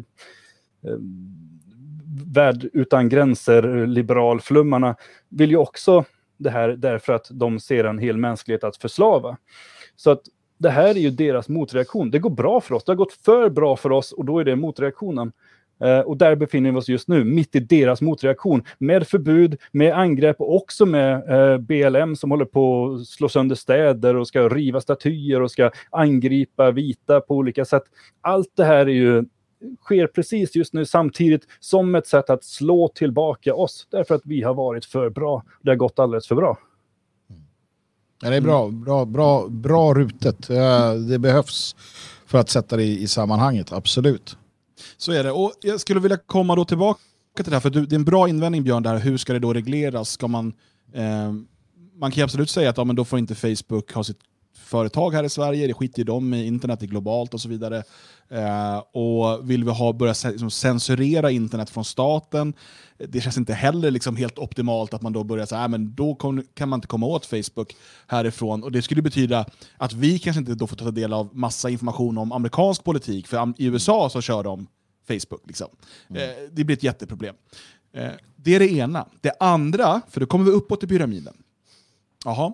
Svenska staten säger att eh, ni måste följa svensk lagstiftning, eller att det är det som gäller yttrandefriheten här. Facebook säger ja, nej, men vi gör så. Vi tillåter allt som är inom svensk lagstiftning. Kanske till och med har vi eh, i ett så bra läge så hets mot folkgrupp är borttaget. Vi har någorlunda liksom, riktig yttrandefrihet i Sverige. Eh, och då säger Visa och Mastercard, jaha, men då kommer inte ni kunna ta betalt för annonser på er sajt. För vi tillåter inte det. Då får ni välja marknaden i Sverige eller kunna ta betalt med kort. Ja, men då får det- vi helt enkelt bara göra som vi gjorde förr. Vi får, gå, vi får liksom titta, vad är det som går bra, vad är det som är framgångsrikt och sen startar vi Clockbook. Där, där vi har vårt eget eh, sociala medier som staten styr och där vi gör allting förvisso lite sämre. Men, det är det som är Men- lösningen. Nej, Och här kommer vi då in på den andra lösningen. Eh, och det här ger mig kalla kårar. Att du ens tänker i dessa banor, din gamla kommunist. Vill vi då se, för vad är alternativet? För vi kan inte kontrollera Visa och Mastercard. Vi kan inte det. Vi, Sverige är en pyttemarknad. Skit i Sverige då. Ska ni hålla på med rasism? Jaha, men vi vi är, eh, eh, vi är ju liksom eh, ett av världens eh, största företag och vi har en hel världsmarknad vi kan bry oss om. Att ni råkar ha fått några så här yttrandefrihetsfundamentalister till makten i Sverige. Usch, skit i er då. Ni får väl alla på något annat sätt. Ehm, och så får vi inte tillgång till de här sociala medierna eh, och den här plattformen. Kanske det här bara är bra, jag vet inte. Och så säger vi, ja men då skapar vi ett statligt socialt medium. Eh, ett public service socialt medium. Eh, Där svensk lag gäller. Mm. Ja, men låt mig... Och, och jag tror att det skulle, alltså helt härligt så här. jag tror att det hade kunnat göras helt okej om man hade då haft så här, ja, men det är inom liksom lagen och man har haft det på riktigt. Ingenting annat. Det är inom lagen så är det liksom okej. Jag tror att det kunnat bli okej. Problemet är, världen är global och uppkopplad, så är också politiken.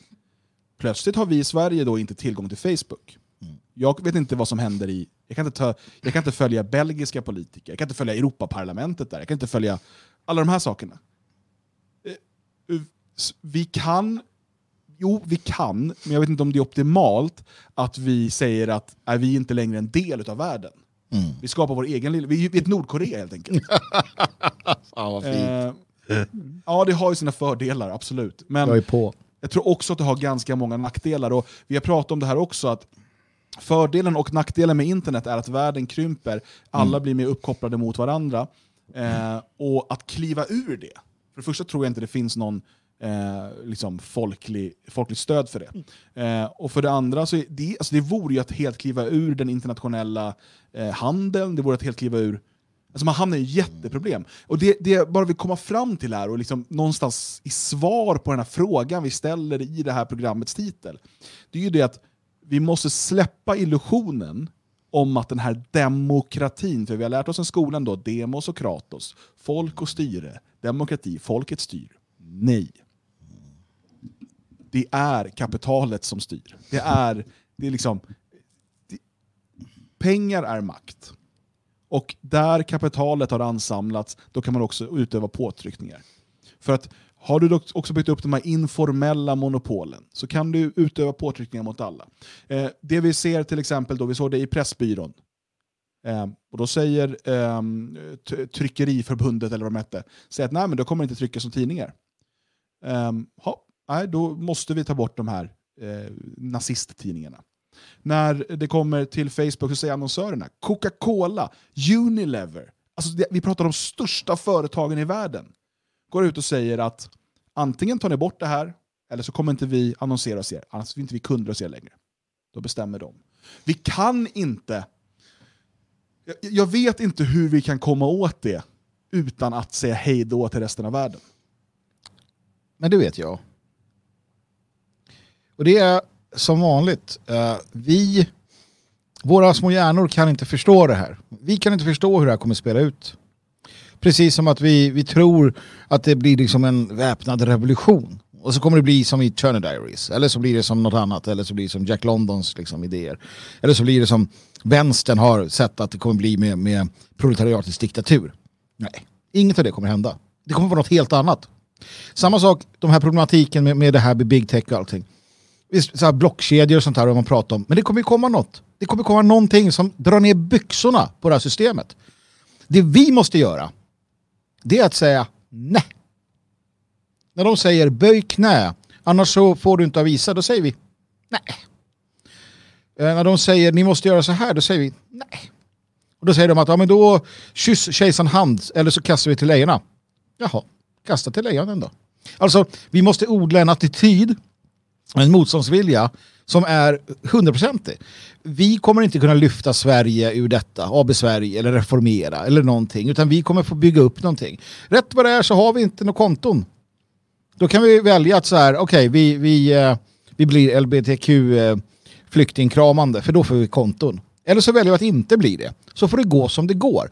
Och, och någonstans en, en liksom grundläggande sån där eh, inställning att, att vi ska göra rätt. Och vi ska inte vara rädda för någonting. Vi ska inte kyssa kejsarens hand. Vi ska lyda, ly, lyda Gud mer än människan. Och så får det gå som det går. Det värsta som händer det är, det är att vi dör. Och det är inte så farligt. För det kommer vi göra i alla fall. Så att någonstans, liksom, vart är tyrannets kraft när du som människa har bestämt dig för att säga nej? Mm. Och nu vet jag inte hur långt ner i kaninhålet vi ska gå här Magnus. Men det du säger, de där orden, kommer från en religiös man. Ja. Det kommer från någon som tror på någonting större än sig själv, på någonting som kommer eh, efter en själv, efter livet här på jorden. Mm. Eh, hur... Jag vet, det här, det här kan vi liksom inte riktigt svara på, men i en värld av ateister och materialister, eller ett land utav det, Mm. hur ska du få de människorna i gemen, ta bort de här procenten idealister, det är inte det jag pratar om, men människor i gemen, eh, att finna den alltså att inte välja den enklaste vägen, att inte välja bekvämligheten. De människor innan oss som har varit beredda att dö, att välja bort bekvämligheten, har i 99 fall av 100 gjort det med en stark tro, en stark religion i ryggen. Mm. Som, det finns undantag, absolut. Men det har varit, det har varit eh, överväldigande. Alltså, om du är en modern, liberal, ateistisk människa som bara ser egentligen till dig själv, kanske dina närmaste, men det är som kortsiktiga njutningar. Hur många gånger har man inte hört man lever bara en gång? Ja. Jag brukar säga, hur fan vet du det? Men, ja. eh, man lever bara en gång. Det viktigaste är eh, din egen lycka och så vidare. Allt det här som vi matas med ständigt. De här nya flosklerna till ehm, de nominellt ateistiska svenskarna. Hur ska de här människorna kunna vara beredda att offra alla bekvämligheter och säga ja, kasta mig till lejonen? Nej. 99 av 100 har ingen tro, ingenting i ryggraden som håller dem uppe, utan de kommer böja sig ner och kyssa kejsarens fötter. Ja men så är det. Och det var därför vi hade katakombkyrkor om vi nu tar den. Två, två eller tre killar som sitter i någon liten katakomb under marken och så här. Här har vi vår gudstjänst. Och folk skrattade, kolla de är några få som bara sitter där eller titta på de där äh, dissidenterna i Ryssland. eh, sitter och gömmer sig. Eller den skotska klankyrkan eller andra dissidenter, Solidaritet i Polen och så, som har blivit utskrattade, hånade och bespottade medan den större delen av befolkningen följde lydigt makten. Sen händer någonting. Ingen räknade med att just det skulle hända. Stalin gick och dog, eller det hände. Eller, eller, eller eh, han nu, hette han då med, med födelsemärket? Bara, Nej men jag river väl muren då. Liksom. Ja. Nej, men det händer saker. Och, och det är det att eh, vi måste, och det är inte svårare än så egentligen fortfarande. Vi måste leva i världen utan att vara en del av världen. Vi måste klara av att leva i världen och, och, och, och fungera här. Och från hustaken ropa ut de goda nyheterna att det finns en nationalistisk väg. Det finns en tredje position. Som man får följa om man vill. Vill man inte så behöver man inte. Och sen hjälps vi åt att bygga den grund vi vill stå på. Men sen är det inte upp till oss längre. Om människor inte kommer, nej men då gör de inte det. Uh, men vi fortsätter idogt. För rätt, rätt vad det är, rätt vad det är så händer det där. Det där som ingen trodde skulle hända, eller som ingen fattade kunde hända. Och då finns vi där. Uh, på ett eller annat sätt. och, och Sen, jag tycker att det svåraste av allt i det här, det är att se världen liksom brinna. Ja, för det gör den för mig. När jag ser allt som händer och all, alla de fruktansvärda människoöden i detta. Alla barnen som, som tror att de ska byta kön eller som, som kommer, de kommer ta livet av sig.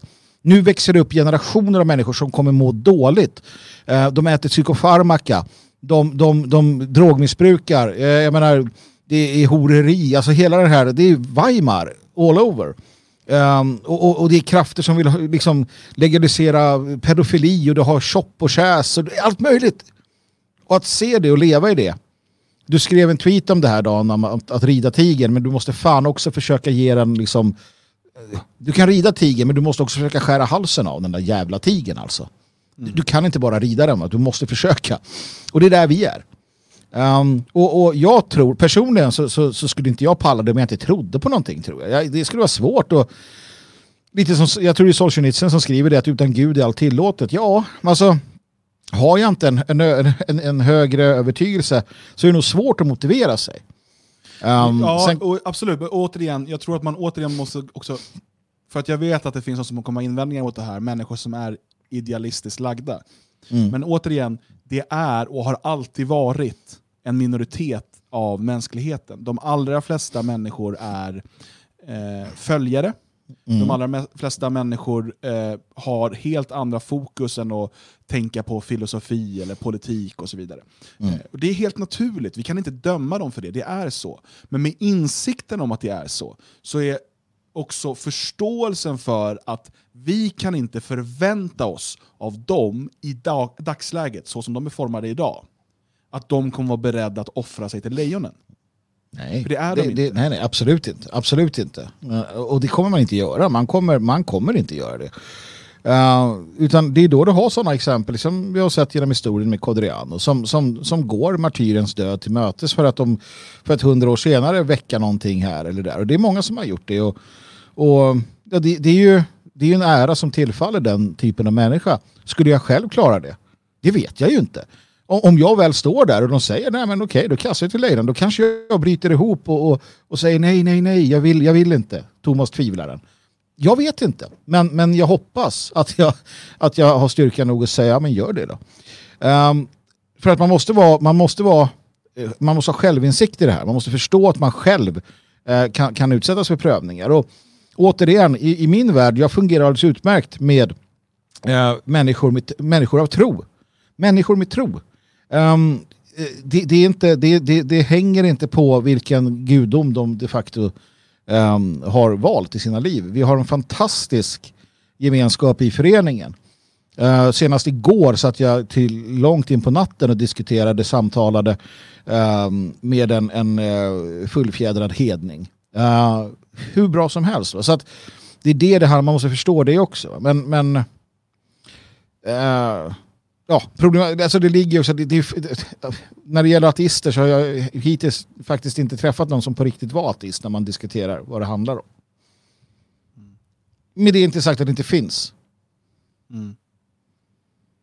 Jag vet inte, Björn... Jag får nog räkna mig där. dit någonstans där tror jag. Som ateist.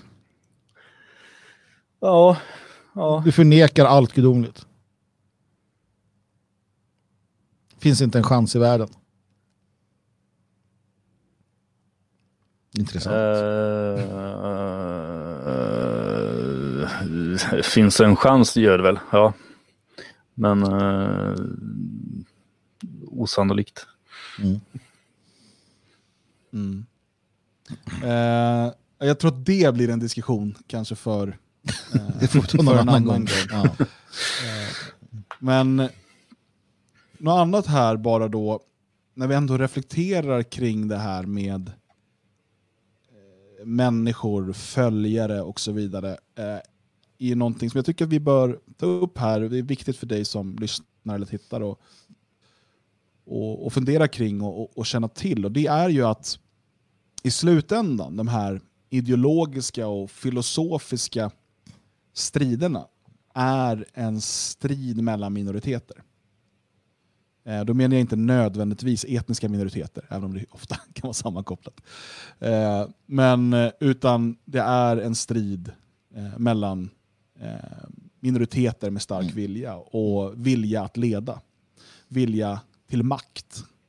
Och de allra flesta kommer följa den som vågar visa vägen och sedan har styrkan att genomföra det.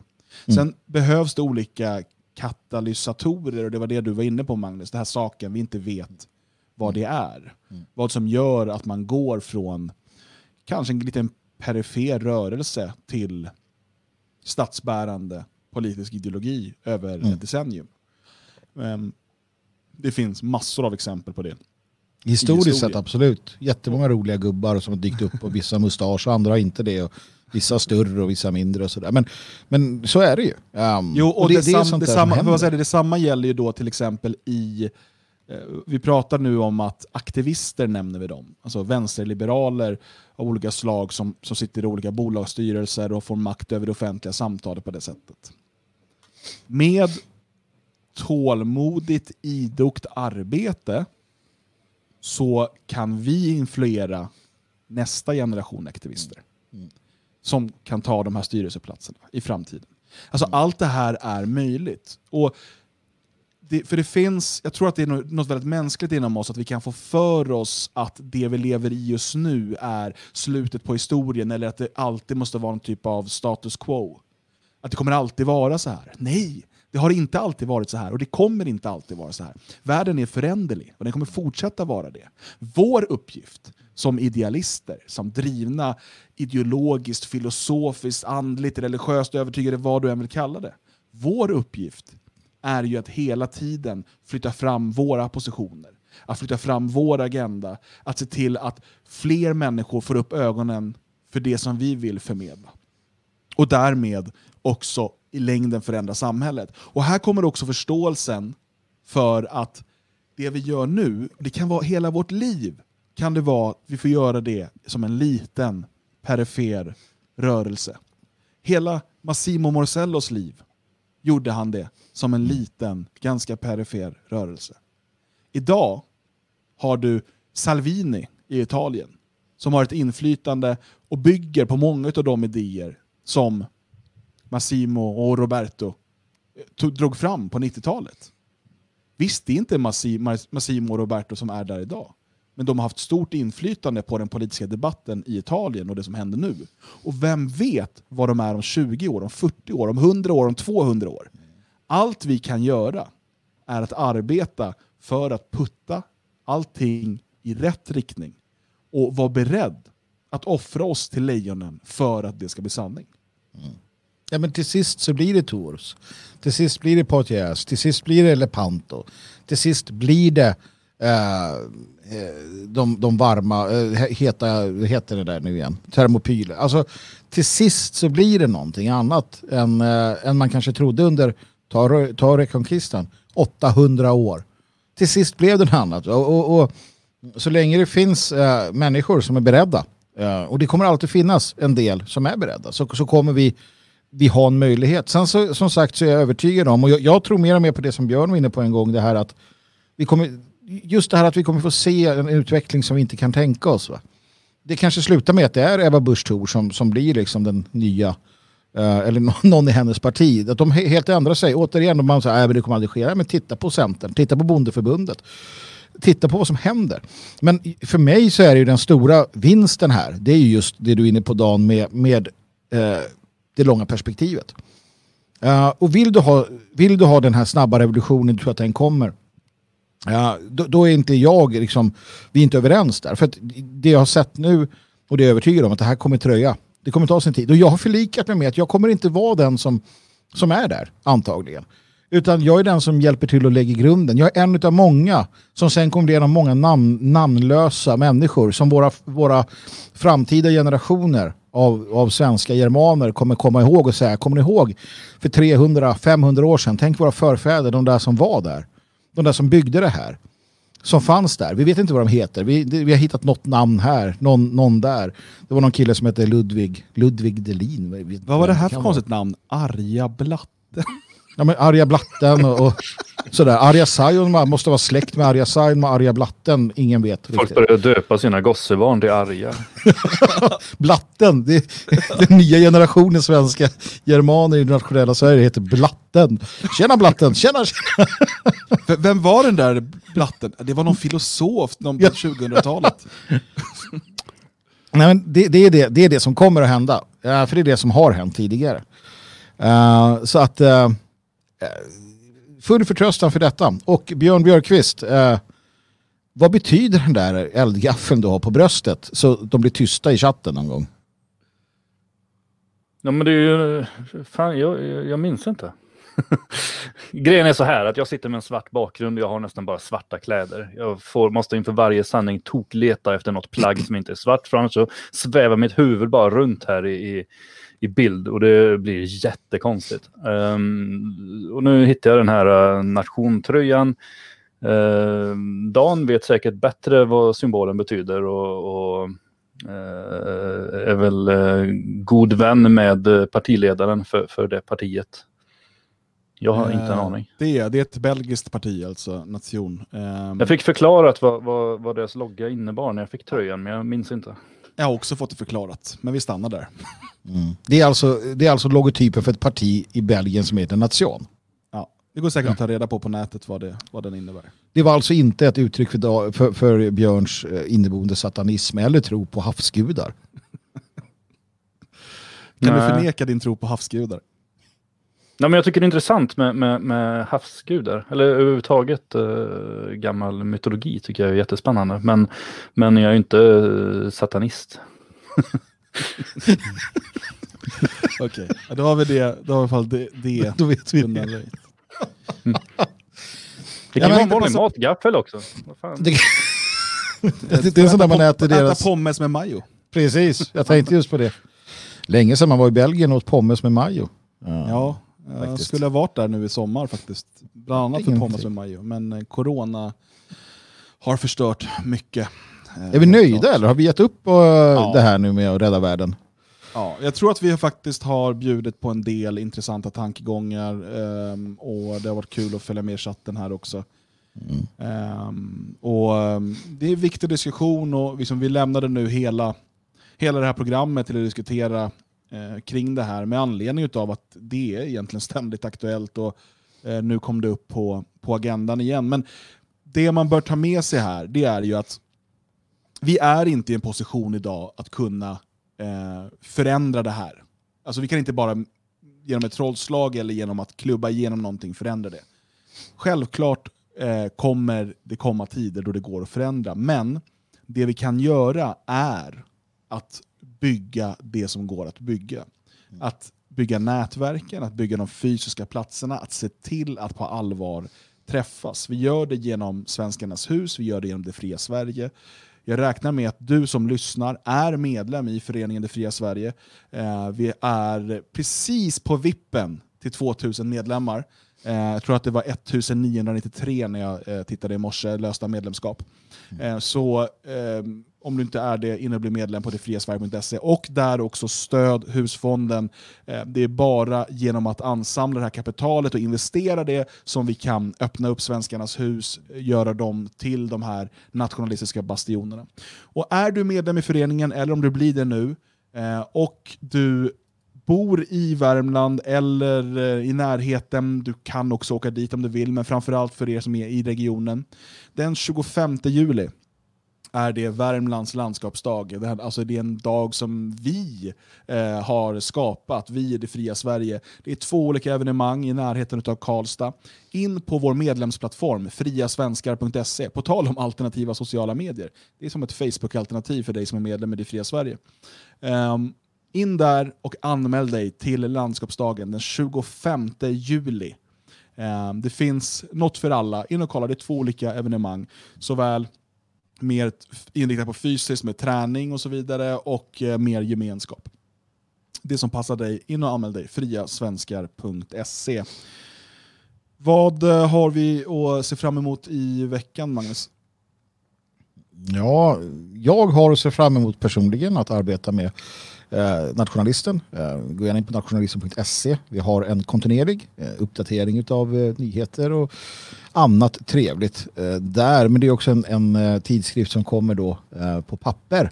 Något så unikt eh, idag, Sveriges enda eh, nationalistiska sådan. Och den ska färdigställas, nummer fem.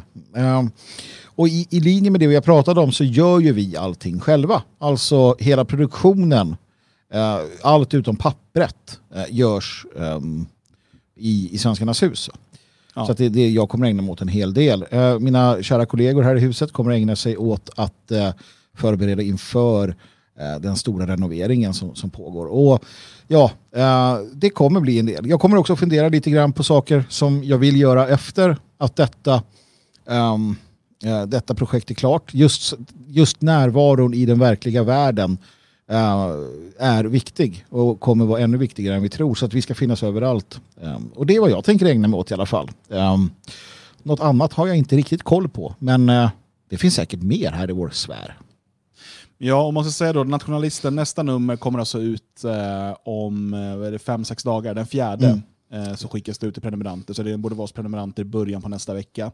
Mm. Tecknar du en prenumeration nu, alltså innan den fjärde, så kommer du vara med från det här numret. Mm. Eh, och Eh, I den tidningen skriver jag och Magnus och Björn.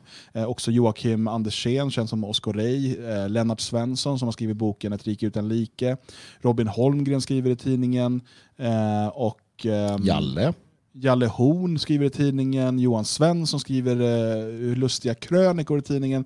Eh, det är alltså Sveriges enda nationalistiska tidskrift. Eh, så Teckna en prenumeration på nationalisten.se så är du med från nästa nummer och du stöttar där. Och det som du nämner där Magnus, jag vill bara poängtera det en gång till. Mm. Mm. Alltså, vi är alltså tack vare det fantastiska arbete och liksom allt stöd som vi har fått tack vare medlemmar, tack vare prenumeranter och så vidare, så har vi alltså kunnat investera i egna, eh, en egen tryckpress, i en egen eh, maskin för bindning, i skärmaskiner. Stora investeringar för att börja bygga vårt eget tryckeri. Bli helt oberoende.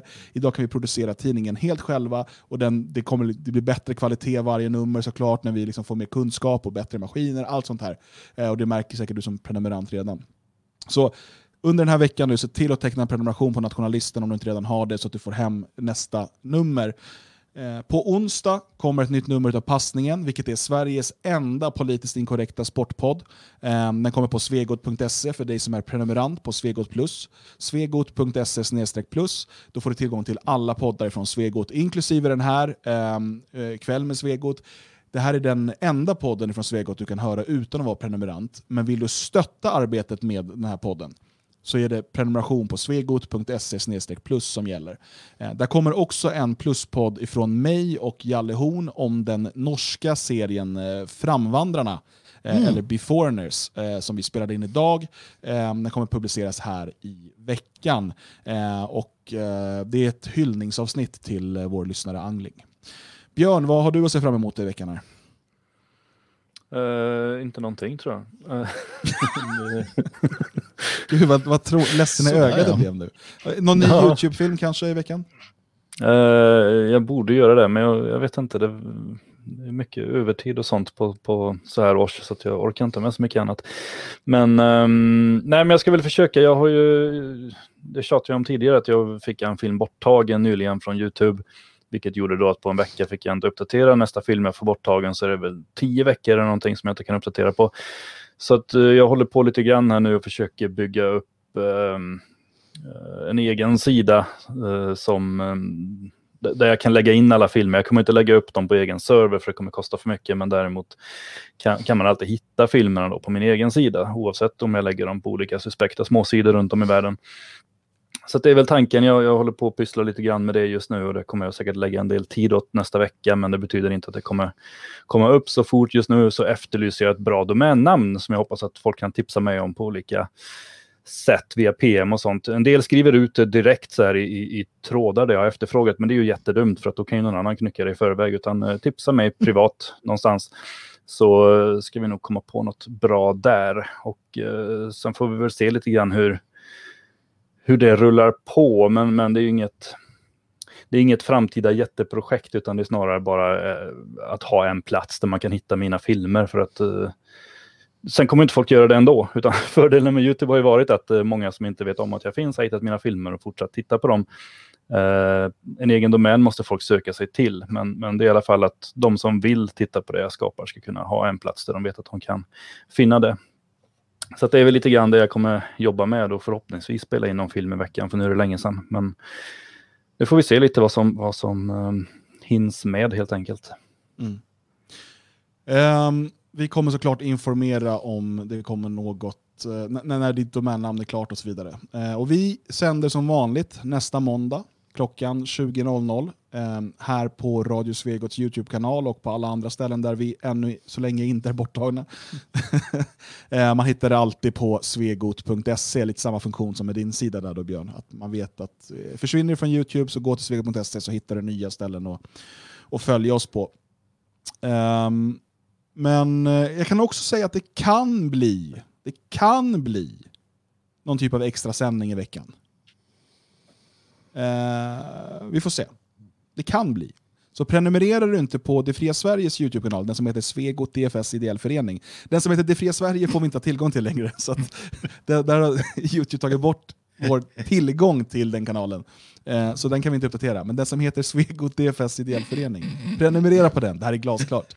Så kan det komma en extra sändning där. Följ oss överallt, eh, prenumerera på nyhetsbrevet och så vidare så missar du inte detta. Eh, så får vi se vad som händer. Ja, Men nu en sista... Ja, förlåt Magnus. Jag bara säger det, se till att hålla era lördagar fria framöver. Då. Mm. Uh, när huset öppnar upp ordentligt efter renoveringen igen då det här. Uh, spindelnät här. Nej, det var mina glasögon. Ursäkta. Uh, håll era lördagar uh, fria uh, för att uh, det finns inget bättre än att träffas. I huset. det.